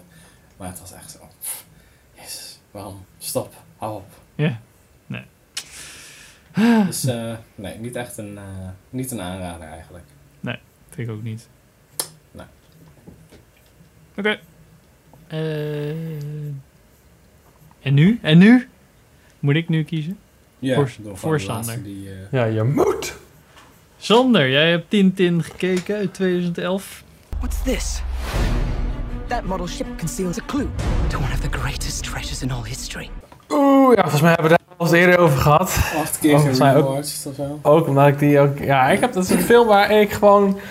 Om wat voor reden dan ook, en ik weet niet zo goed waarom... Eén keer in de zoveel jaar of zo... ineens zou je zeggen van... Ja, die film wil ik wel weer eens kijken. Ook omdat hij duurt niet zo lang. En ik vind... eh, ja, ik weet dat jij hem niet zo tof vindt, Henk... vanwege het camerawerk. Maar ik vind toch gewoon wel de pacing in die film heel goed. Ik heb echt, als ik die film aanzet, dan is het voor mij voelt het als 10 minuten en dan is die alweer afgelopen. Het gaat echt van het ene spektakel over in het andere. Echt een soort van scènetjes van 10 minuten of zo. Dat vind ik heel goed aan die film. En ik ben ook wel benieuwd, want ja, inmiddels is het toch bijna 10 jaar oud alweer. Ik weet dat er toen sprake van was dat eh, Spielberg zou dan deze doen. En dan zou eh, Peter Jackson het stokje overnemen voor, Ja. een, voor een sequel. Maar die hebben we nooit gezien. Dus ik ben benieuwd of die ooit nog gaat komen. Misschien komt dat ooit. Zullen we eens kijken, zullen we eens kijken? Even kijken. hè. Ik ga ook even IMDb'en. Nee. Nee? Nee? Oh, nou, Oh, wacht. Ja, wel announced. Untitled Tintin? Adventures of Tintin sequel announced. Maar verder Oh ja, helemaal niks. Untitled. Met een director, ja, wel Peter Jackson. Ik heb een titel voor ze. Adventures of Tintin 2. Electric Boogaloo. Ja. Ja, gewoon helemaal... Ja, misschien staat dit er natuurlijk ook al... eh updated Ja, dat kan gewoon... 30 in de mei Ja, dat kun je zien. 2017. Oh ja, inderdaad. Holy shit. Nou, ik, ik eh, heb mijn twijfels daarover dan. Maar goed. Ja, ze kunnen het ook gewoon, gewoon al gelokt hebben dat ze die rechten hebben voor het geval dat. Dus dan is het altijd een Untitled Ja. Tintin sequel. En dan zie je wel. Ik zou het eh, tof vinden als het eh, ooit nog ging gebeuren. Maar ik heb daar eh, zo mijn twijfels over. Nou, als jullie mijn rant niet gehoord hebben over de eerste keer dat we het over Tintin hadden. Ah, ja. Ik vond voornamelijk eh, dat de film eh, heel erg leunde op... Oh, Steven Spielberg heeft een nieuw speeltje en die kan met een camera overal doorheen vliegen. En de film had in dat opzicht voor mij een te hoog gehalte aan onrealistisch camerawerk... wat eh, eh, heel heftig eh, aan elkaar hing en daardoor voor mij een beetje te veel een rollercoaster werd dan een, een film. Ja, ja, toch, ik, weet, ja ik weet niet. Ik, ik snap wel wat je bedoelt. Maar ik kan eigenlijk zo 1, 2, 3 maar één scène bedenken waar dat echt het geval is. Dat is zeg maar in de, ja, in de laatste scène. Ja, dat ze zo helemaal eh, door het stadje helemaal zo de, de helling afgaan. Ja, die had ik vorige Dat keer volgens volgens mij mij- ook als, als stukje erin gemonteerd. Dat, Ja. je, dat ze ziet dat, dat het heel snel even zoomt naar... Oh ja, we zijn daar. En dan weer uitzoomt.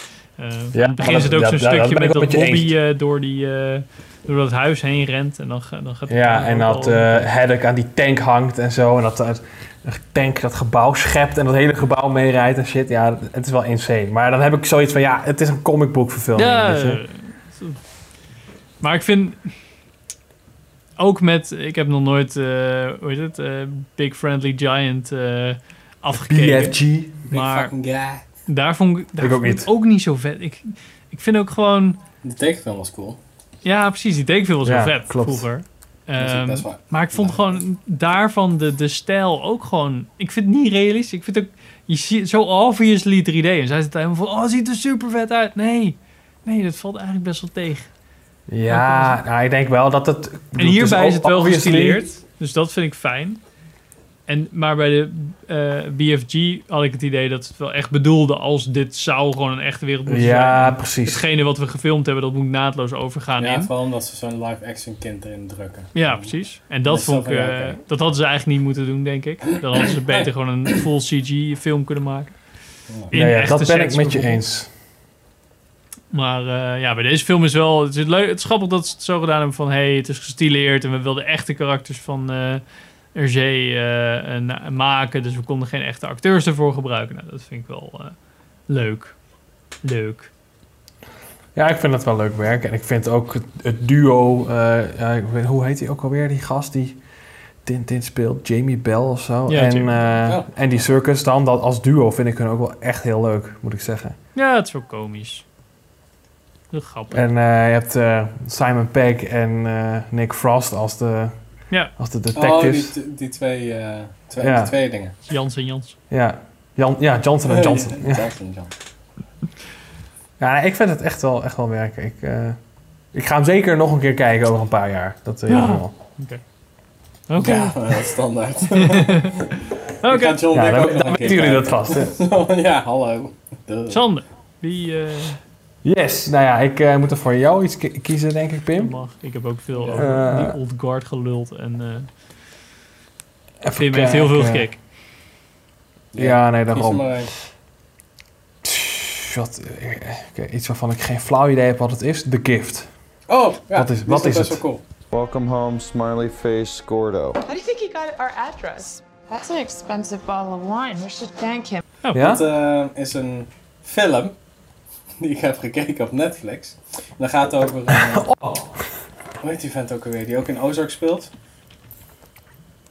Hoofdpersonage die... Ik zat even in de beën. Ja, eh, Jason Bateman. Jason Bateman? Jason Bateman, dat is een beetje zo'n eh, gast die werkt bij een of ander groot bedrijf.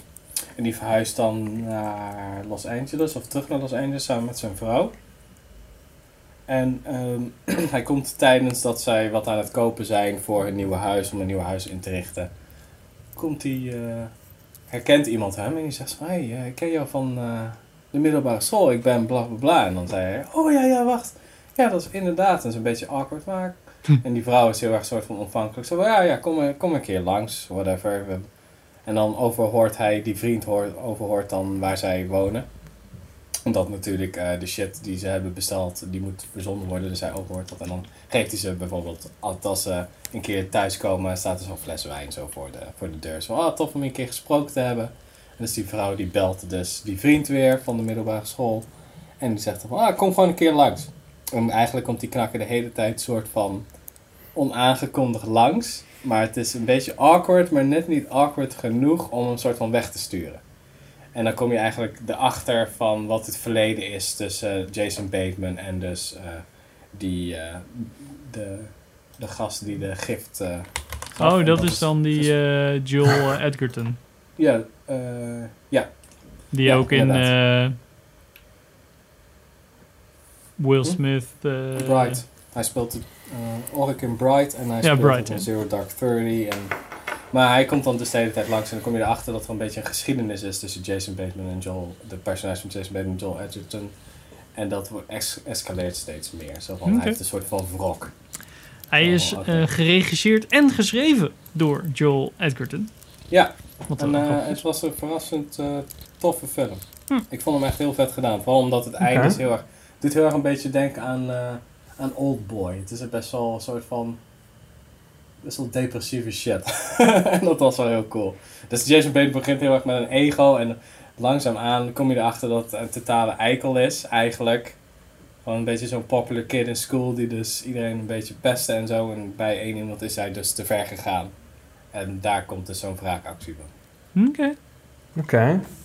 Het is echt best wel echt een toffe film om te zien. Want het begint heel erg, eh, begint heel erg vrolijk. En het houdt, blijft een beetje die toon houden. Maar dan wordt, er komt steeds meer een onderlaag in van... Er gaat iets gebeuren, maar je weet Ja, niet precies wat. Is het een beetje Ja, precies. foto booth, of hoe heet dat? One hour foto-achtig? Ja, maar dan, je ziet het vanaf, ehm, om het zo te zeggen, je ziet het vanaf het slachtoffer, niet vanaf de, de, de Ah, dader. Ja, precies. Dus je, hebt eigenlijk de, je gaat eigenlijk meer mee met die vrouw, die soort van net van een depressie. eh, volgens mij hebben ze een miskraam gehad en zo. En daar is zij helemaal van in- ingestort. En daarom zijn ze ook eigenlijk verhuisd om eigenlijk een nieuwe, nieuwe start te maken. En zij is heel erg. eh, een beetje naïef, maar ook op zoek naar contact. Want het is net. Ze, is, een nieuwe plek. En hij, die eh, Joel Edgerton, die is een van degenen waar ze zich een beetje aan vasthoudt. En dat, eh, dat maakt het heel interessant. Want zij, is heel erg, zij, kan heel, zij kijkt heel erg objectief naar die twee dingen. Dus ze weet evenveel als wij de kijken. En dat is wel een goede manier om het... Je, je, kiest aan het begin niet meteen een, een kant. Nee. Ook Oh, Dat switcht een beetje. eh, Ja, je zit een beetje te denken van... Oké, hij is die knakker is wel awkward, maar hij is wel aardig. En Jason Bateman is ook wel gewoon... Hij is eh, succesvol en hij ambitieus, maar hij is soms ook een dik. En dan zo, dat, die groeien een beetje. Een soort van, waar gaat het heen? Ja, oké. Dus dat is wel interessant. Ja. Cool. Hij was verrassend tof om te kijken. Oké. Wel vet. nu, Ik wil eh, lachen. nu ga ik naar Henk voor... Even denken, zoveel keus. Zo'n lange lijst heeft Henk, ja. Eh, onward, wat vond je van Onward? Onward. The world was full of wonder and magic. But times change. Oké. Grappig. Heb ik laatst nog even met eh Richard over gehad. Ik hoop dat hij erbij was, want hij had hem ook gereviewd of gekeken of iets dergelijks. Hij had er in ieder geval een hele andere mening over. Ehm, eh, Pixar film natuurlijk. Eh, ehm, ja, daar hadden we die trailer ook, daar hadden we de trailer natuurlijk ook wel van gezien. eh, over dat zo'n zo'n fairy tale world. En dan eh, Ja. is het een, een broer, eh, een st- stel broers die dan eh, eh, geen vader meer hebben. En die, van eh, hun vader of zoiets. ja, precies. Uiteindelijk gaat het Ja, alleen die benen. Uiteindelijk is het meer over. De trailer vertelt niet het hele verhaal. Wat op zich wel weer goed is. Maar het gaat dus over. Er is magie in de wereld eh, geweest. Maar dat zijn ze allemaal een beetje vergeten.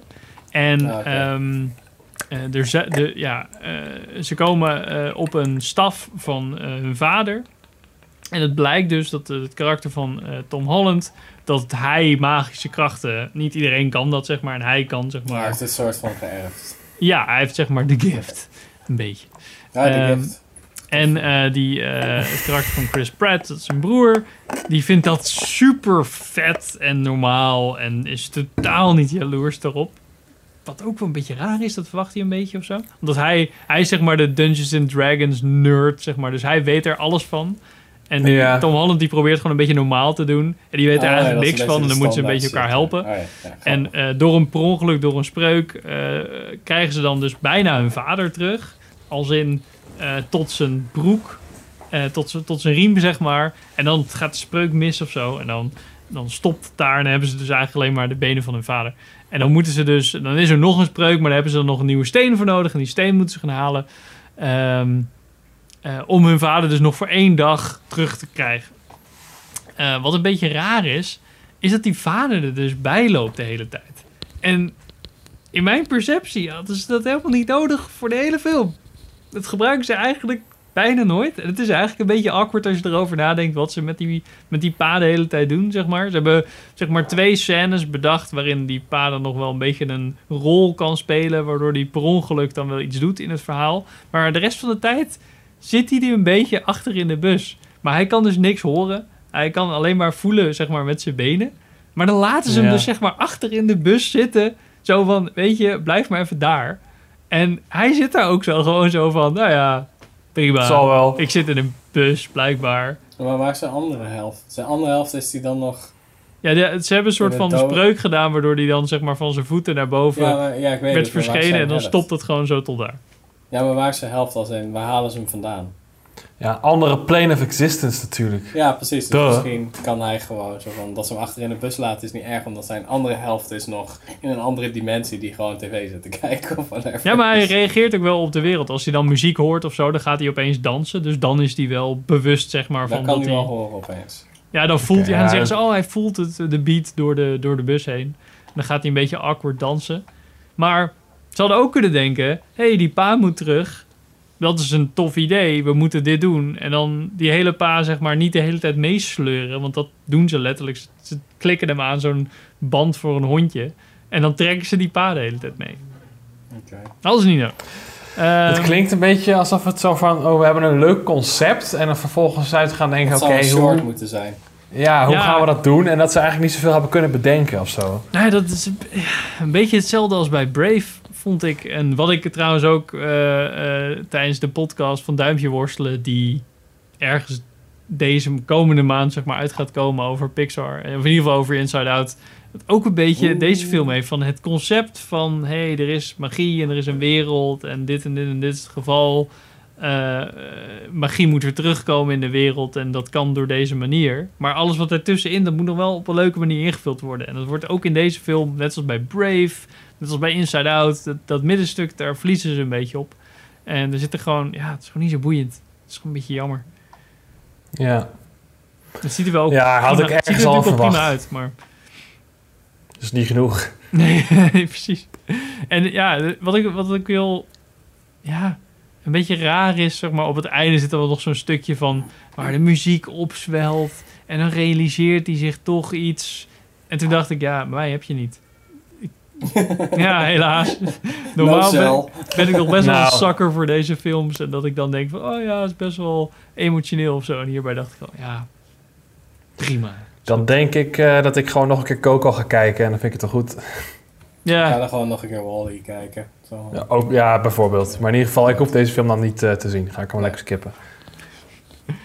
nou, precies. Nee, ja, ik, ja, ik, vond, ja, ik vond hem gewoon niet zo boeiend. Jammer. Wat zei Richard zo mee. over? Die vond hem wel gewoon Ja, die vond het wel heel leuk, ja, tuurlijk. Ach ja. Oh ja, tuurlijk. zeg. It's like your opinion. Oké, eh, Sander. Ehm, Little Women. Just because my dreams are different than yours doesn't mean they're unimportant. Little Women. Kleine ja. vrouwen van Sofia Coppola. Kleine vrouwen. eh, is die van Sofia Coppola? Dat kan ik heel even snel Nee, checken. zij heeft de Beguiled gemaakt. Nee, The. Beguiled. Ja, inderdaad. Beguiled. Nee, sorry, deze is van Greta Gerwig, die ook eh, Lady Bird onder andere heeft gemaakt. Oh, met Shua... Oh, hoe zeg je haar naam ook weer? Dat is die Saoirse Ronan? Ronan, die Ier. Siobhan ja. zeg je volgens mij, want het is Iers, toch? Oh, dat weet ik niet. Oh, Siobhan. S-I-O-B-H-O-N. Siobhan, zoiets. En Emma Watson of zoiets zit erin. Ja, Emma Watson zit erin. eh, Florence Pugh, of weet ik veel hoe je dat uitspreekt. Oh nee, ik had, En ik had die hele grote film- namen. Hoe heet die film dan met eh, dat ze die Apollo-landing, eh, die vrouw van de Apollo-landing? Ehm, eh, Big Women. nee, eh... God damn it. Oh, het ligt het puntje van mijn tong. Heb ik ook gezien. Allemaal maar Google. Nou, waarom kan ik er nou niet opkomen? Vind ik heel irritant. Mensen zitten Anyway. hun telefoon aan te schreeuwen. Gast! Ja, nee, iets van eh, mensen die niet in de spotlight staan. Maar dan een mooiere titel daarvan. Oh my Gaan we god. verder, Ik het Sander? hier. Ik ga hem wel... Ja, ik heb, ja goed, oké. Anyway, ja, het gaat dus over een. eh, het, is, het speelt zich af tijdens de, de Civil War in Amerika. Wat op zich eigenlijk helemaal niet belangrijk is voor het, eh, het verhaal. Eh, behalve dat, zeg maar, de, de- het, is een, het is een groot gezin van, ik denk, ja, een moeder en drie meiden. En die vader die is dus afwezig, want die, ja, die moet vechten in de, in de Civil War. En eigenlijk, wat het doet, het is gebaseerd op een boek, volgens mij. En eh, wat er eigenlijk gebeurt, is dat je... eh, ja, die, die meiden zijn heel hecht en die gaan eigenlijk... zeg je? Hidden Figures, ja. Godver- Sorry. Ik heb Exact. letterlijk gegoogeld op Black Woman Movie Rockets. Oké, ik had een Apollo Women movie. Ja, Lang precies, leven de, het uit. Google algorithm. Ja, Eh, ja, Hidden Figures, oké. Little Women. Ja. oké, ga verder. Eh, anyway, nou, en die, die, die, die groep is wel heel hecht. En eh, ja, er is een, een, een guy en die... ja, dat zit eigenlijk een beetje een soort van verwoven. Die gaat eigenlijk van, van de ene zus naar de andere zus langzaam. En ehm, ja, je volgt eigenlijk een beetje hun leven. Hoe ze langzaam een beetje hun eigen pad opgaan. Eigenlijk zoals dat gewoon altijd gaat bij broers en zussen. Weet je, je, je, je woont natuurlijk op een gegeven moment samen. Eh, Je groeit op samen in één huis. Maar iedereen gaat uiteindelijk zijn eigen pad. En dat documenteert het een beetje. Een beetje coming-of-age verhaal. En heel erg gericht op ja, het vrouwelijke aspect. Het is best wel een feministische film, denk ik. Hm. Ehm, Het speelt, ja, het is toch echt in de Victoriaanse tijd, toch? Of heb je dat al gezegd? Nee, dat is eh, eh, Civil War. Tijdens, Oh, eh, oké. tijdens de Civil War. Net voor... Nee, daarna komt pas de movement, toch? Ja, ik denk niet dat... dat wordt eigenlijk niet echt benoemd. Maar ik denk niet dat vrouwen toen al mochten stemmen en zo. Nee, volgens mij niet. Anyway, eigenlijk de, hoofdrolspeelster, dat is dus die Ier, die is Saoirse Ronan, of hoe je het ook, hoe je het ook uitspreekt. Zij is een schrijfster. En eigenlijk schrijft zij dus het, het boek waar je dus naar zit te Oh, kijken. Zo autobiografisch, maar dan... Ja, en dat, is, dat op zich doen ze daar wel grappige dingen mee. Ik moet zeggen, hij heeft ook best wel een hoge metascore, zie ik nu, Het is 91. toch iets van 2800 keer verfilmd, dit boek? Little Women komt er elk jaar komt er een film van uit, volgens mij. Ja, dat is wel inderdaad eh, volgens mij een, een, ding wat we toen hadden geconstateerd. een ja. staple, Eh, net zoals eh, Romeo en Juliet. ja, War and Peace en zo, ja, inderdaad. Ja, ik zie zo al iets van zes, zeven dingen. Ja, dat is echt insane. Maar ik moet zeggen, ik was wel... een- eh, ik was op zich wel onder de indruk. Het was wel echt wel een goede film. Oké. En eh, ja, het, ja, het is niet het, soort- niet het soort film wat wij doorgaans kijken als we naar de bioscoop gaan of zo. Ehm, het is echt wel een Het is drama. Het is een beetje meer... ehm weet je, in een film die we toen hebben gekeken, die ging over een film maken met... eh, Their Finest. ja. Ja, nou, dit is wel iets serieuzer hoor dan Their ja, Finest. dat, Dat is dat nog... wel. Maar zo'n is, eh, zo'n soort toon. Zo van, het is Ja. redelijk langzaam. Zeven en- keer verfilmd trouwens. Het boek. Beginnen in eh, Stop. 1917. Ja. ja, dus zo oud is het boek al, ja. Dus het is een classic blijkbaar. Ik had er nog nooit van gehoord hoor. Oh. Jij wel? Ja, Little Women is best wel een bekend boek. Oké, In ja, ja, 2018 moet- was de 150ste verja- de anniversary van het eh, boek. Oké, dus ze dachten van, dan doen we op de 151ste anniversary doen we een... Ja, eh, toen was er ook al een, eh, een film. eh Ja. Oh, ja, precies. uit 2018 ook al, ja? Ja, hij is ook oh ja, ja, genomineerd 2017, voor, 2018 en 2019. Ja. vorig Ja, jaar echt, genomineerd voor beste picture. Holy shit. Oké, oké. Nou ja, goed, verder niet zoveel bijzonders over te melden hoor. Het is eh, op zich aan het kijken waar het is van dat soort films houdt. Oké. Er zijn ook eh, musicals geweest. Sander, pick one. Oh, fuck, ja, dan moet ik weer aan, aan de pikkerij. Even kijken. Er is ook ehm, een serie geweest. Vier keer. Ja, zo oud Zoals is het. anime. Zelfs een anime-serie van. eh, November Man. Oh. Oh ja, oh my god. She has information on the agency that they'll kill to keep secret. If you want her to live, you gotta get back in the game. Oh, Is dat daar ben cool? ik echt benieuwd naar. Nee, niet echt. Oh. Oh, Nou, ik had hier in de tagline heb ik geschreven... Een film waarin Pierce Brosnan de superkracht heeft om per seconde of scène van pistoolmodel te wisselen. En waar super secret CIA-agenten niet doorhebben dat hun pistool leeg is. Dat is ongeveer de, de, de toon. Het gaat dus over super secret squirrel Pierce Brosnan. Die ehm, wordt dan uit retirement gehaald. Ja, hier komt hij jongens. Om dan een, eh een dubbelagent op te halen waar hij eh, vroeger een relatie mee heeft. En ehm, dat is dus een soort van super duper black ops waar zelfs de CIA niks van weet. En eh, de CIA denkt dus dat die vrouw die hij escorteert eh, corrupted is. Hoe zeg je dat ook weer? Niet meer... eh, Ja, die is rogue gegaan. ja, die willen ze niet meer binnenhalen. Dat is een groot risico. Oké. Ah, Dus ze oké. weten niet zeker of zij een dubbelagent is of een dubbel-dubbelagent. Weet je wel, dat soort shit. Dus ze leggen haar gewoon om. Maar dan degene die haar omlegt, dat is dus een soort van eh, een oud leerling geweest van onze Pierce Brosnan bro. Oké. En dan kom je erachter dat er één grote conspiracy is. En dan allemaal van binnenuit... eh een of andere... Binnenuit een conspiracy is. Het voelde een beetje als ehm, een soort van... eh, Ja, deze leunt heel zwaar op eh, de Born Identity tekenachtige films. En dan denk je, oh, dat maken wij er ook een van, maar dan met Pierce Brosnan. Dat is wel Ja, precies. Maar ook een beetje alsof Pierce Brosnan zeg maar de, die kant op wil gaan van... nou, dit zijn een beetje de, mijn standaard films. Net zoals eh, eh, heet het, Liam Neeson zeg maar zijn, zijn, zijn ding heeft Actiefilms. gevonden, zeg maar. Dat, dat misschien eh Pierce Brosnan ook denkt van... hé, hey, als ik nou de hele tijd een soort van retired CIA-agent blijf spelen... iedereen heeft Ja. toch het idee dat dat een beetje bij me past. Dan, hebt eh, ook een ja. film met... eh, ja, en Kevin Costner probeerde dat ook te doen een tijdje. ja, Kan ik me ook wel herinneren dat hij dan ook een super secret CIA assassin is. Die dan een of andere soort van virus binnenkrijgt. Waar hij nog maar zoveel tijd te leven heeft. En dan moet hij opdrachten... moet Dat is gewoon Mission Impossible omleggen. 2. Ja, eigenlijk wel. En dan moet je gewoon mensen omleggen die... eh ja, het is eigenlijk ook gewoon cranked. Maar dan minder leuk. Maar ja, in ieder geval, dat, dat is dus... Maar het was echt super slordig gemaakt. Ik zat echt... mm, Dan heeft hij zo een eh, fucking Glock vast. En dan de volgende shot heeft hij een PPQ. En de volgende shot heeft hij... En het verschilt het. En dan schieten ze en dan zie je dat het sleden naar achter is. Dus het pistool leeg. En dan gaat hij alsnog zo... en iedereen zo van... Welke... Hè? Zo, hij is gewoon 0,0 dreiging is het. wat stom. Dat is het een beetje. Het is heel erg. het is echt, het is- je weet soort van. Je kan een soort van het script bijna zien.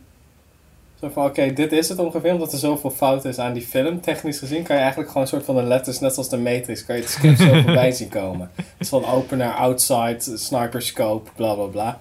Dat zo. En dan is het net alsof ze gewoon hadden gedacht, oké, nu doen we... de- deze scène filmen we nu. Wat, wat, voor, wat, voor, wat voor kleding hadden ze aan? Wat voor spullen? Welke props? Ja, maakt niet uit. Maakt niet uit, het is een zwart pistool.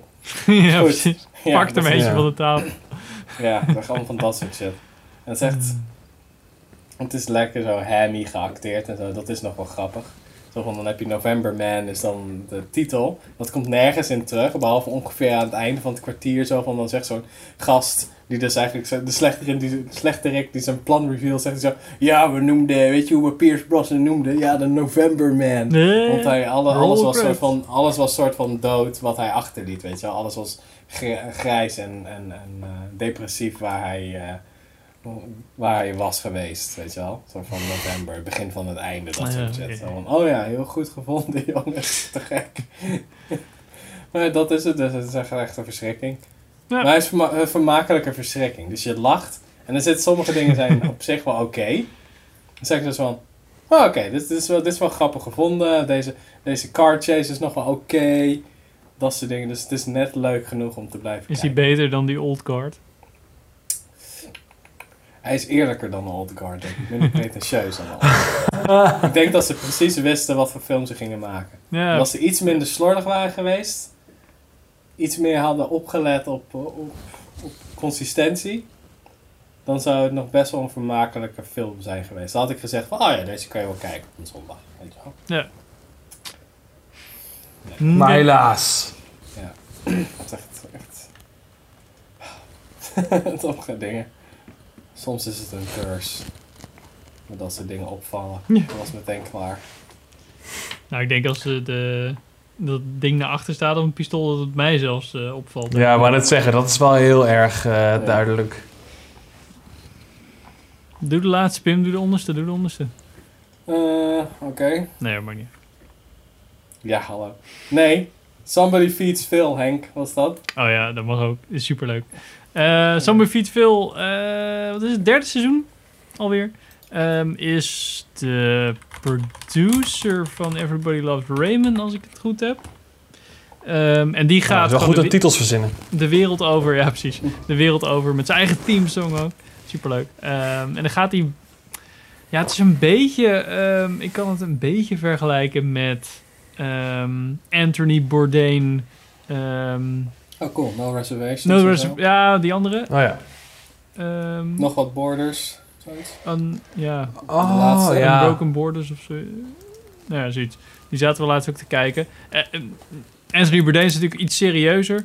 Eh Phil, die eh, super charismatische man. Die moet- eh, hij moet je wel een beetje liggen. Hij is een beetje awkward of zo. Een beetje raar. Het is niet een, een hele mooie man of zo om te kijken. Maar hij is gewoon heel begaan met iedereen. En gewoon, hij wil gewoon lekker eten met iedereen. En verhalen horen. En dan komt hij bij iedereen aan tafel. Ook bij de... eh, ja, in het derde seizoen merk je ook wel dat hij vaker gewoon ook even gaat lunchen dan met degene die dan ook alle spots verzorgen, zeg maar, in, eh, in de landen. Dat hij zegt van, hey, ik wil gewoon met jou even, ga even hier doorheen lopen en laat me gewoon even leuke dingen zien. En dat, dat, dat zo'n man gewoon zegt van, ja, ik vind de krap die ze hier hebben, vind ik echt super lekker. Oké, gaan we die eten? Oké, nou. Oké. Zit hij gewoon aan tafel, zeg maar. Terwijl, terwijl hij gewoon zo'n scout is, zeg maar, in de stad. Eh, maar ja, ook gewoon gezinnen en dan weer super luxe ergens eten. Maar ja, heel erg over de plekken en over de cultuur. Zeg maar. Dus je krijgt en een beetje cultuur mee en lekker eten. En het is een grappig verhaal. Het enige wat, wat nu in het derde seizoen een beetje zielig is, is dat in de eerste twee seizoenen eh, op het einde van de aflevering hoor je zo'n Skype eh, en dan gaat hij met zijn ouders bellen. Eh, super schattig van die eh, oude eh, mensjes in New York die daar dan zitten van hey Phil, hoe is het? En dan altijd een beetje rare opmerkingen. Echt zo'n beetje zo oude ouders opmerkingen, wat wel echt heel Mhm. grappig is. En in het eerste aflevering van het derde seizoen, helemaal aan het eind- einde, Skype. En dan zie je die vader alleen met een vrouw die we echt wel eerder hebben gezien. Maar dat je zit van, is die moeder dood? Oké. Had je dit niet even, had je me niet even kunnen voorbereiden op het feit dat dit... En die man is ook heel oud geworden, dat is echt heel zielig. Dat werd niet benoemd of nee, zo? Nee, dat was gewoon zo van, oké, we doen nog steeds hetzelfde grapje. Maar nu zit er iemand bij om een beetje die pa support te geven. En dan, oh ja, weet je nog? Ah ja, dat is echt een heel leuk grapje. Je moet nu even reageren. Echt een beetje zo aanschoppen ongeveer. Dat je denkt, ah, dat is echt heel zielig. Maar ze hadden echt wel even gewoon een titeltje kunnen doen met In Memory of of zo. Dat je gewoon weet van, oké, dit is er gebeurd, prima. We hoeven het er niet per se over te hebben. Maar Ja, dat, heb je, dat kan je super soort van eh, respectvol doen. Zo van dat je dan dat Skype geluid hoort en dan zie je dan die foto van die moeder zo van in loving memory of. Ja, bla bla bla. Maar dan niet zo, nee, die vader is er en waar is mam, dat zeg ik niet. Nee, precies. Dat, ja, je hoeft dat niet. Ja, hij hoeft dat niet te benoemen, maar de serie kan het wel benoemen. Want Ja, je leeft precies. toch al ja, twee jaar zeg maar, met die personen mee.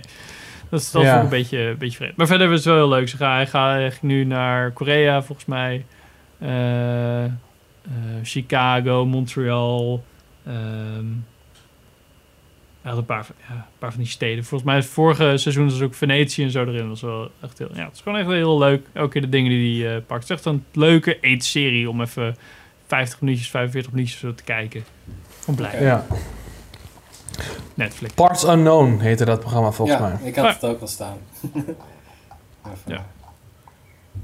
Ja, Anthony Bourdain deed dat ook altijd heel goed. Dat het minder eigenlijk een, een kookprogramma was of een voedselprogramma, meer een reisprogramma. Ja, ze lieten meer zien de- daar zo van... hey, dit is het lokale gerecht, dat doen ze hiermee. En uiteindelijk gingen ze aan tafel heel erg over politiek... en over de problematiek in, de, in het land praten. ja. Nou, en Summer the is daar de lichte variant op, denk ik. Ja, dat is een interessante ingang voor een cultuur, is het eten natuurlijk. Ja. Dus dat is altijd muziek, eh, eten, dat Ja. soort dingen. Ja, hij zat in zo'n Berberdorp, zat hij dan aan tafel, die Phil. En dan ging hij zo, oké, we, hebben couscous of zo. Dus we gaan allemaal eten met het hele gezin. En hij zat erbij, het was superleuk. En toen ging hij zo eten en toen zei hij van, oh, ik heb kip gevonden. En die man echt zo, ja, kip eten we als laatste. En hij zo, hoeps. die hele tafel zat een beetje zo van, gast. hij lult er dan wel weer omheen. Zo mooi. Eh. Oké, laatste dingetjes. Oké, ja. Ehm Oeh, Pim. Laatste. Oeh, Pim. Wat? Ik, Ja, ik heb er nog maar één volgens mij. Jij moet toch van Sander kiezen, of niet? Henk? Moet ik van Sander kiezen? Oh, sorry. Ja, oh? Sander. Zo. Oh ja. In the not too distant future, our DNA will determine everything about us. Oh, Dit is de laatste. vet. Gattaca. Oh, jij kent hem, Pim? Ja, ik vind die film echt cool. Ik had hem een keer aangeraden gekregen, best wel lang geleden. En eh, eh, ja, nu eigenlijk pas gekeken, eh, een paar dagen geleden. Best wel vette film. Gaat over een soort van, eh, ja, alternatieve toekomst of zo. Ja, het is een beetje science fiction-achtig in een, toekomst waarin genetische manipulatie eigenlijk de norm is. Het gaat eigenlijk over, ja, er zijn, er zijn twee broers. Eén daarvan is eh, geboren zonder genetische manipulatie. Is gewoon een, een, ja, een natuurlijk eh, kind. Een, eh, hoe noemen ze het ook alweer? Een, invalid. Eh, en hij heeft allemaal hartgebreken en zo. En hij heeft daarna kwam er nog toch een, een broer, een jongere broer van hem. En hij is dus wel helemaal gepimpt genetisch. Dus hij is eh, heel atletisch en heel slim. En weet ik wat, zeg maar. Alle, eh, ja, gewoon helemaal de wind in de rug. Met dat zwemmen. Ja, Ja, inderdaad. met ja, Ethan Hawke inderdaad. is dat. Ja. Met Ethan Hawke. Ah. En, eh, hoe heet hij ook alweer? Michael Fassbender. Nee, niet Michael Jude Law. Fassbender. Jude Law, ja. En, eh, En Uma ja, Thurman zit er toch in, of is dat niet? eh hoe? Uma Thurman zit er toch in? Oh ja, ja, ja, klopt. Ja. Zij speelt dan een soort van, eh, ja, het- de love interest van Ethan Hawke. Ethan Hawke gaat dus proberen bij, hij wil graag astronaut worden, dat is zijn droom, maar dat kan natuurlijk nooit, want er wordt heel erg gediscrimineerd op, ja, eh, je, je genen eigenlijk. Dus als jij geen goede genen hebt, dan kan je nooit in de top tier posities Nee. binnen de maatschappij komen. Ja. Hij heeft ook ehm, Lord of War geregisseerd en geschreven. De regisseur. En The Truman Show heeft geschreven. Hmm. Ja. Ik vond het wel een hele En interessante film. In Time ook geschreven en dat is een beetje kut. Dus, eh, Ja, wat ik me ervan kan herinneren, was het wel een toffe film. Zo. Dat is even Ja, het is eh, een beetje een filosofische film. Het is niet zozeer... Als ik kijk naar de film zelf en wat er nou precies gebeurt... Eigenlijk gebeurt er helemaal niet zo heel veel. Maar het zet je vooral aan het denken. Tenminste, dat had ik heel erg. Wat ik op zich wel eh, heel tof vind. ja. het is zo van iemand die ehm, soort van de mentale kracht dat dat sterker is dan de fysieke kracht. Ja, het gaat, ja de perseverance... Tegen, eh, tegenslag maakt eigenlijk een beter persoon van je. Of, zoals de tagline zegt... There is no gene for the human spirit. Ja, precies. ja, nou ja, precies. Dat is inderdaad wel... Dat valt het op zich wel samen. Nou, cool. Dat vond ik wel interessant aan die film. Wat, eh, wat je eigenlijk de hele tijd terug hoort over meestal trainingen bij astronauten en speciale eenheden en zo. En dat de meestal de trainers, hoeveel ervaring ze ook hebben, ze niet aan de persoon kunnen zien wie het gaat halen aan het einde van de, van de training. Van de Oh, rit, Deze ja. is vet sterk en hij, heeft, hij is een worstelaar geweest en bla bla. En die geeft dan de eerste ronde, ringt hij zo de bel van ik wil naar huis. En dan de dude waarvan je denkt, oké, dat is een beetje een zak of een beetje een, een loser. Die haalt het wel gewoon. Het zijn meestal degenen Mm. die, dat dachten ze eerst, oh misschien zijn het degenen die een beetje in een klotige gezinssituatie zijn opgegroeid. Die zichzelf Ja. moesten redden. Maar dat blijkt dus ook niet zo te zijn, want sommige mensen die zijn... Je hebt één zo'n gast, die is opgegroeid in een super... Chris Cowles bijvoorbeeld, die Navy SEAL. Die is, toen, die is opgegroeid in een best wel christelijk gezin. En, en het gezin was nog steeds bij elkaar. En hij zag gewoon eh 9-11 gebeuren en dan ging hij bij de SEALs. En dat is... Dus het is een heel erg onvoorspelbaar wat, eh, wat aan de binnenkant in iemand is om dus die training door te komen. En dat vind ik wel interessant aan Gattaca. Dat hij ook gewoon Ja. geholpen wordt door, de door degene die ook niet toegestaan zijn, weet je wel. Dat de dokter, spoilers, dat de dokter hem zo helpt met die test, zo, omdat hij dat een beetje... Ja, dat is om het laatste inderdaad. Dat is Ja, wel... Dat je dan erachter komt dat het tof gewoon moment. Zo, zo toegelaten wordt. Dat, het eigenlijk, dat hij niet de enige is die de zooi aan het cheaten is. Dat mensen ook gewoon hem willen zien in de ruimte. Zo van, Hoezo eh, kwam je op, op deze film te gaan kijken, Sander? Nou, ik was eh shout-out naar Andrew. Die had hem eh, een tijdje geleden aangeraden, een vriend van mij. En eh, Die ik die weet niet meer. maar Naar, naar aanleiding van een gesprek wat we hadden, dit wat volgens mij ook een beetje over iets in deze trant ging. Ik weet het niet eens meer. Het is echt lang geleden. En toen zei hij van, oh, die film moet je een keer kijken. En ik wist helemaal niks van deze film, nog nooit van gehoord. Dus Mm. vandaar dat hij toen op mijn lijstje is gegaan. En toevallig van de week had ik een keer zin in een science fiction film. Ik denk, nou, kan ik die wel eens een keer kijken. Nice. En eh, nou ja, aangenaam verrast. Nou, vet dat je dan even een film van eh, bro. 23 jaar geleden eh, aanzet. Heel Cool. Ja, maar ik kijk meestal. eh, ik denk dat ik meer oude films kijk dan recente films, eerlijk gezegd. behalve dan... Van oude, gewoon de, ook vaak dezelfde shit die ik al gezien heb. Ja, jij, jij kijkt gewoon oude, oude films, dan is het de jaren 60. ja, ja, ja. En dan skip je gewoon 30 jaar. En dan doe je, oh ja, nou, dan doen we ergens in de 90 gaan we verder. Ja, ja, ja. De rest bestaat. Ja, ja nou, ik, kijk daar, ik kijk daar niet heel bewust naar, naar, naar het jaartal. Nee, maar het, eh, ik vind het wel vet om ook inderdaad ah, films van vroeger die ik dan gewoon Ja. nog niet gezien heb, maar die wel goed zijn te kijken, weet je wel. Probeer wel eh, dit ook een lijstje te hebben met films. Een kort lijstje te hebben waarvan ik denk, oké, deze film wil ik in ieder geval nog een keer zien. Of, of al een keer zien. Maar niet zo'n lijst van, Ja. oh ja, deze heb ik allemaal al niet gezien en dat moet allemaal nog een keer. Dat is- Nee, ja, nou, wat ik dan vaak doe is ik flikker het op mijn server en dan blijft het daar tien jaar op staan en dan kijk ik het waarschijnlijk uiteindelijk toch niet. Ja, ja, allemaal, allemaal Ja, ja. aangekocht natuurlijk. Maar je moet ergens... Ja, ja, uiteraard. Gewoon Blu-ray ripjes, hè? Blu-ray rips van je eigen collectie. Ja, zeker, ja. Oké. Gewoon voor ease of use. Ja, precies. Oké, laatste, één laatste. Oh ja. Oh ja, dan moet ik weer iets kiezen. Kut. Pim, wat hebben we nog op de... Ja, Goodfellas is natuurlijk wel een beetje... Ja, Eh, ja dit ben ik wel benieuwd naar. Een, een of andere remake van Miami Vice, maar wel van Michael Mann. Ja. You understand the meaning of the word foreboding? As in badness is happening right now. Niks over meegekregen, is het wat? Nee. ik heb deze al echt heel lang geleden gezien, want het is 2006. Maar is dit gewoon de Miami Vice film van Michael Mann? En omdat hij ook de serie heeft gemaakt, bedoel je zo remake? Of? Ja. Ja, oké. Marco Man is... eh, Niet daarna nog een remake of zo. Eh, nee, oh wacht even. Ik haal even mijn de IMDb-pagina erbij. en Dan heb ik het door. Ja, het is... ehm, Miami Vice... Nou, het is niet, niet per se... ehm, hij heeft het niet echt gemaakt, want, eh, want eh, nou, hij is de producent geweest van Miami Vice, de serie. Ja, ja, precies. En nu ging hij, hij wilde een moderne remake maken en dat was een beetje... Ja, dat is gewoon, het is gewoon niet goed. het is, heel, het is super, super rommelig. Het is, ehm, volgens mij is het net op de grens gemaakt van wat Michael Mann een beetje naar, van, digitaal, van analoog naar digitaal ging. Wat hij met Collateral al had gedaan. Had Ja. hij nachtscènes gedaan in digitaal en dan andere scènes in analoog. En heel veel handheld, wat je ook ziet op Public Enemies, die heb ik daarna gezien, die wel weer goed is. Dat is echt heel, heel raar. Lijkt net of een andere regisseur is die van hem afgekeken heeft. maar het is gewoon een beetje. Hij probeert een beetje een soort van een film noir, maar dan modern in Miami. Dus het is wel heel warm en zonnig, maar het is heel vaak heel s'nachts. Weet je wel, een beetje die LA shit die je ook in Collateral hebt. Mhm. En een soort van al die, al die personages proberen een soort van... eh, dan heb je eh, Jamie Foxx zit erin. Die speelt Tubbs. En dan heb je... Weet die knakker ook weer. Die gast die altijd dronken is. Colin Farrell heb je dan. En die speelt dan Crockett. En die gaan dan een soort van undercover om een, eh, een drugs... eh, want ze zijn allebei narcotics cops. Die gaan dan een soort van mee met een soort van FBI undercover operatie. Omdat eh, blijkbaar die drugscourier ook gewoon andere shit smokkelt en zo. En een van hun, een van hun CI's die wordt ehm, omgelegd.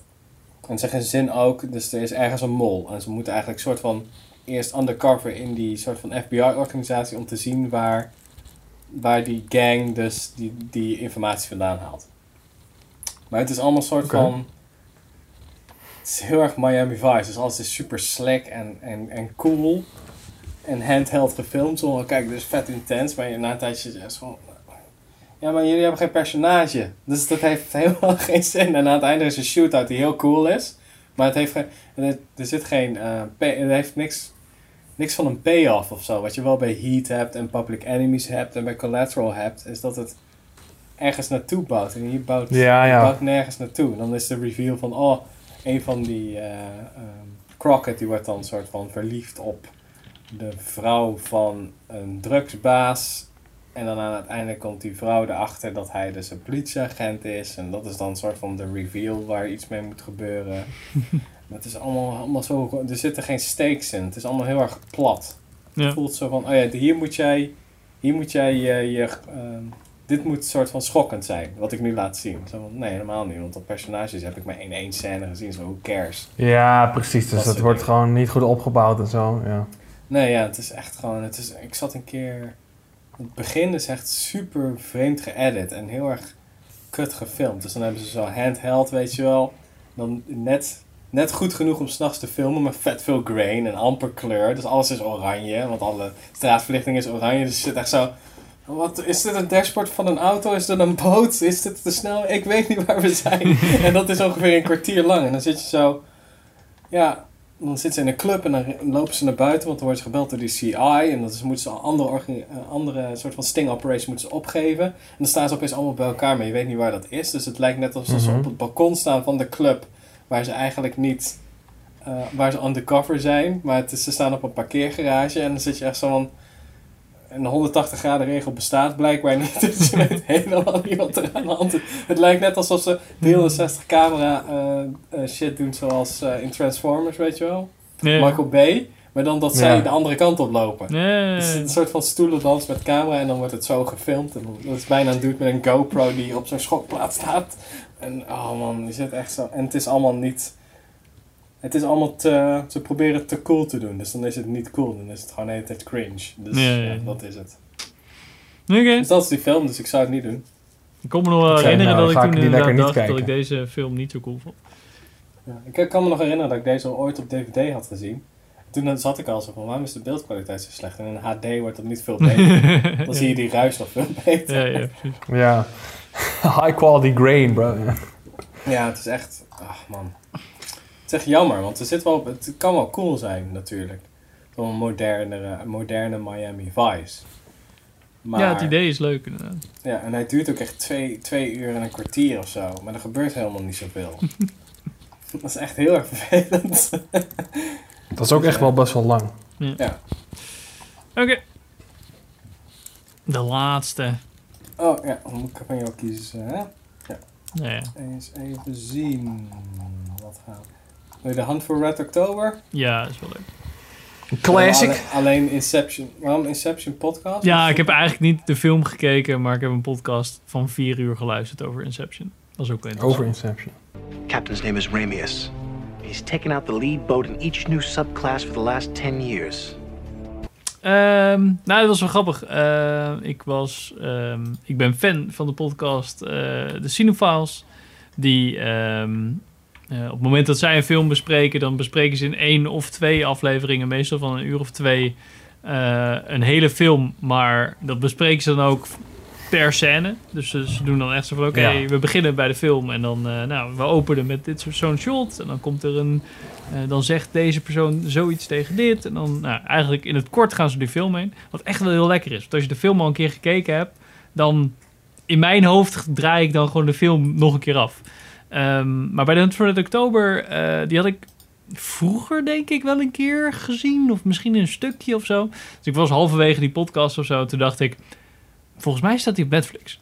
En toen eh, heb ik een stukje op Netflix gekeken. Toen was ik dus weer bij, bij mijn podcast. Toen ben, heb ik weer een stuk podcast geluisterd. Toen ben, ben ik weer de film gaan kijken. Dat was eigenlijk wel een hele leuke manier om heel in-depth zeg maar, die film te gaan kijken. Want heel veel informatie, ook achtergrondinformatie hebben zij natuurlijk ook over, eh, over de regisseur, over Tom Clancy, over de Ja, karakters ja. en zo. Maar dan ben je, en, en de film komt dan ook wel binnen. Dus dat was wel, was wel heel vet. Ehm, film van eh, John McTiernan, die dan ook Die Hard heeft gemaakt, waarvan zij dus heel erg zeggen van dat is bijna dezelfde. Hunt for Red October en Die Hard. Best wel een beetje dezelfde film. Een soort van reluctant dude die dan zeg maar iets moet gaan doen. Ehm, Ja. eh, en. Het gaat toch ook met Jack Ryan? Dat is ook een Jack Ryan ding? Wat? Ja, dit is Jack Ryan. Dit is de eerste Jack Ryan. eh, Jack ja, Ryan, eh, ja. Red October. Ehm, eh, John McTiernan Serieus? heeft uiteindelijk ook eh Die Hard with a Vengeance gedaan, die ik eh, persoonlijk wel tof vind. Ehm, en The Last Action Hero, De, de laatste toch? Thomas Cronenberg. De laatste. Eh, de derde, ja. ja, ja, die is heel tof. Met Ja, die vind ik eh, persoonlijk echt... Of ja, jij ook. Ja, die is echt gewoon Ja. cool. De tweede Die Hard is alleen de ruk. Ja, ja, precies. Die is een beetje raar op het vliegveld. Ja. Ehm, maar ja, hij heeft eigenlijk twee echt steengoede films eh, gemaakt. Volgens de cinefiles zo van Die Hard, Hunt for October. En daarna denk je, gast, wat is er gebeurd?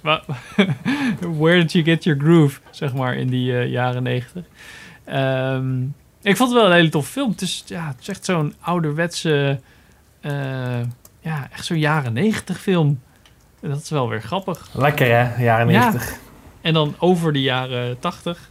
Ehm 1990 beste jaar. Alec Baldwin is echt zo'n hele jonge dude. En Sean Connery is gewoon helemaal geweldig. En wat ze heel, heel leuk hebben gedaan, wat ze eh, ook wel goed uitlichten. Ehm, want eigenlijk, eigenlijk is het grootste gedeelte van de film is natuurlijk Russisch. Of het speelt zich af op een eh, Russische onderzeeër. Ehm, maar ja, je Mhm. hebt natuurlijk Sean Connery, je hebt eh, Sam Neill. Erin zitten allemaal gewoon... Eigenlijk zit er volgens mij één Russische acteur in. Dus wat ze gedaan hebben is... eh, op een gegeven moment, dan, aan het begin praten ze nog een beetje Russisch. Dan zoomen ze in, zeg maar, op iemands mond. En dan zoomen ze weer uit. En dan gaat zijn zin over van Russisch naar Engels. En dat is zeg maar, Ah, cool, oké, ja. yo, we gaan nu gewoon lekker door het Engels uh, zoek het uit.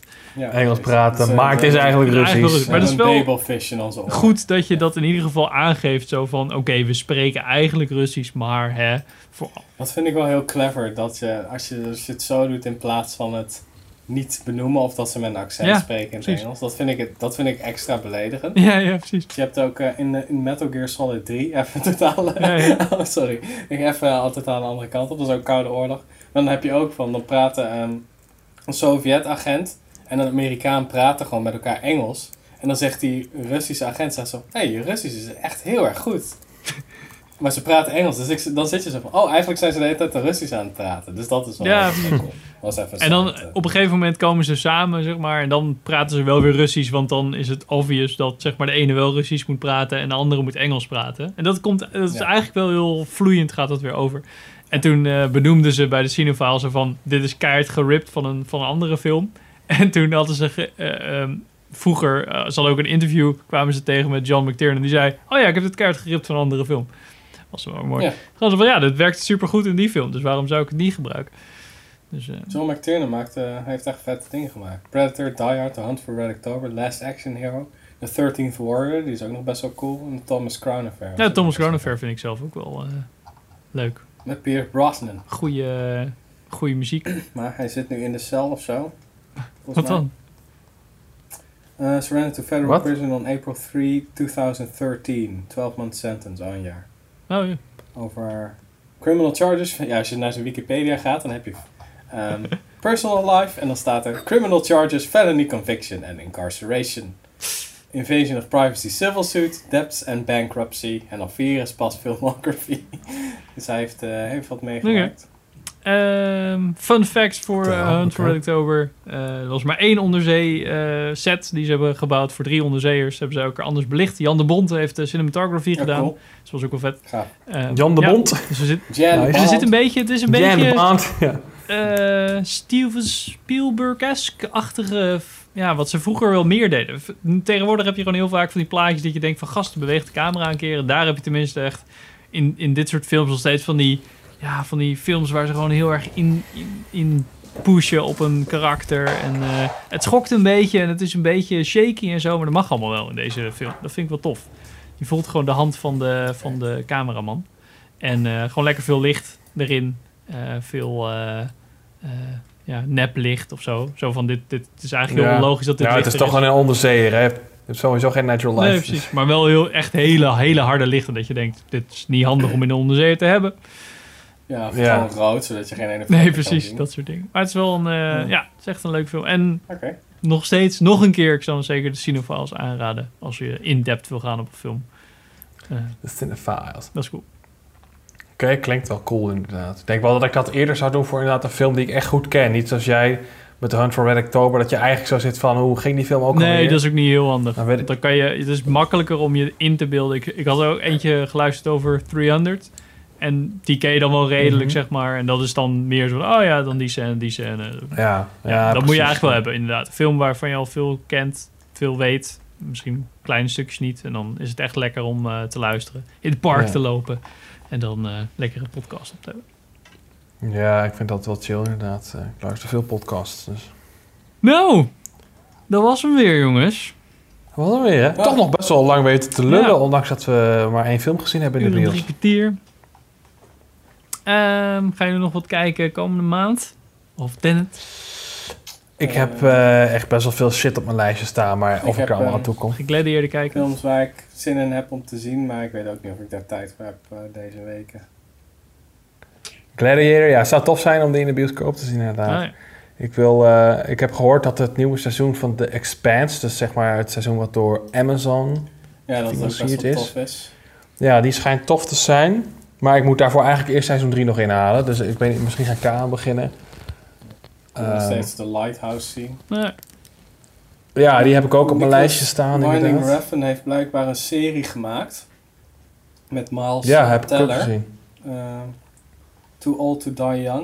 En die wil ik ook een keer kijken, want die heb ik al heel erg lang op mijn eh, lijst staan. Op je lijstje staan. Goed dat je het zegt. eh, die ga ik ook even op mijn lijstje zetten, ja. Ik ben altijd wel fan van, eh, Ah, van hem. on that note. Jij Henk? Jij Henk? Eh, nee, ik weet niet. Ik, eh, ik, Je ziet het ik wel. hoop dat ik meer kan slapen tegenwoordig. Mijn, eh, Dan ben je al blij. ik slaap vorige, gister, Dromen- afgelopen nacht eindelijk films. door en slaapt nu nog steeds. Dus dat, daar ben ik al heel blij mee. Dus, Oh, eh, wauw. Ja, die heeft geen kick gegeven, deze hele aflevering. Dat is wel lekker. Dus ik hoop dat Nou, ik wat meer slaap krijg. Dat is ook wel lekker. En dan eh, dat ik een beetje in de avonden misschien wat films kan kijken. Omdat ik dan toch thuis moet zitten. Want ja, je kan ook niet echt huis uit, dat soort dingen. Dus eh, krijgen we dat soort eh Ja. taferelen. Dus ik hoop dat ik dan weer wat meer tijd heb om... eh, Moet je een serie vinden met eh 20 minuten aflevering. ja, ja, precies. Eigenlijk. Nou, ik zag dat Ja. Suits, dat eh, heb ik eigenlijk geen zin in, maar mijn vrouw waarschijnlijk wel. Nou, als je echt Ja, dan moet je, hè? Dan moet Als je echt slaap wil inhalen, moet je gewoon Suits Ja, kijken. precies. Henk. Dan is het echt zo van, oh, ik ben benieuwd wat deze... ja, ja. Maar ja, niet echt eh, hele bijzondere dingen. of zo. Ik hoop Tenet dat we die kunnen gaan kijken. Ja, dat, Ja, eh, als, als die draait, dan moeten we daar wel heen. Nou, dankjewel voor het kijken, luisteren, dames en hoe de heren. bioscoop eruit ziet.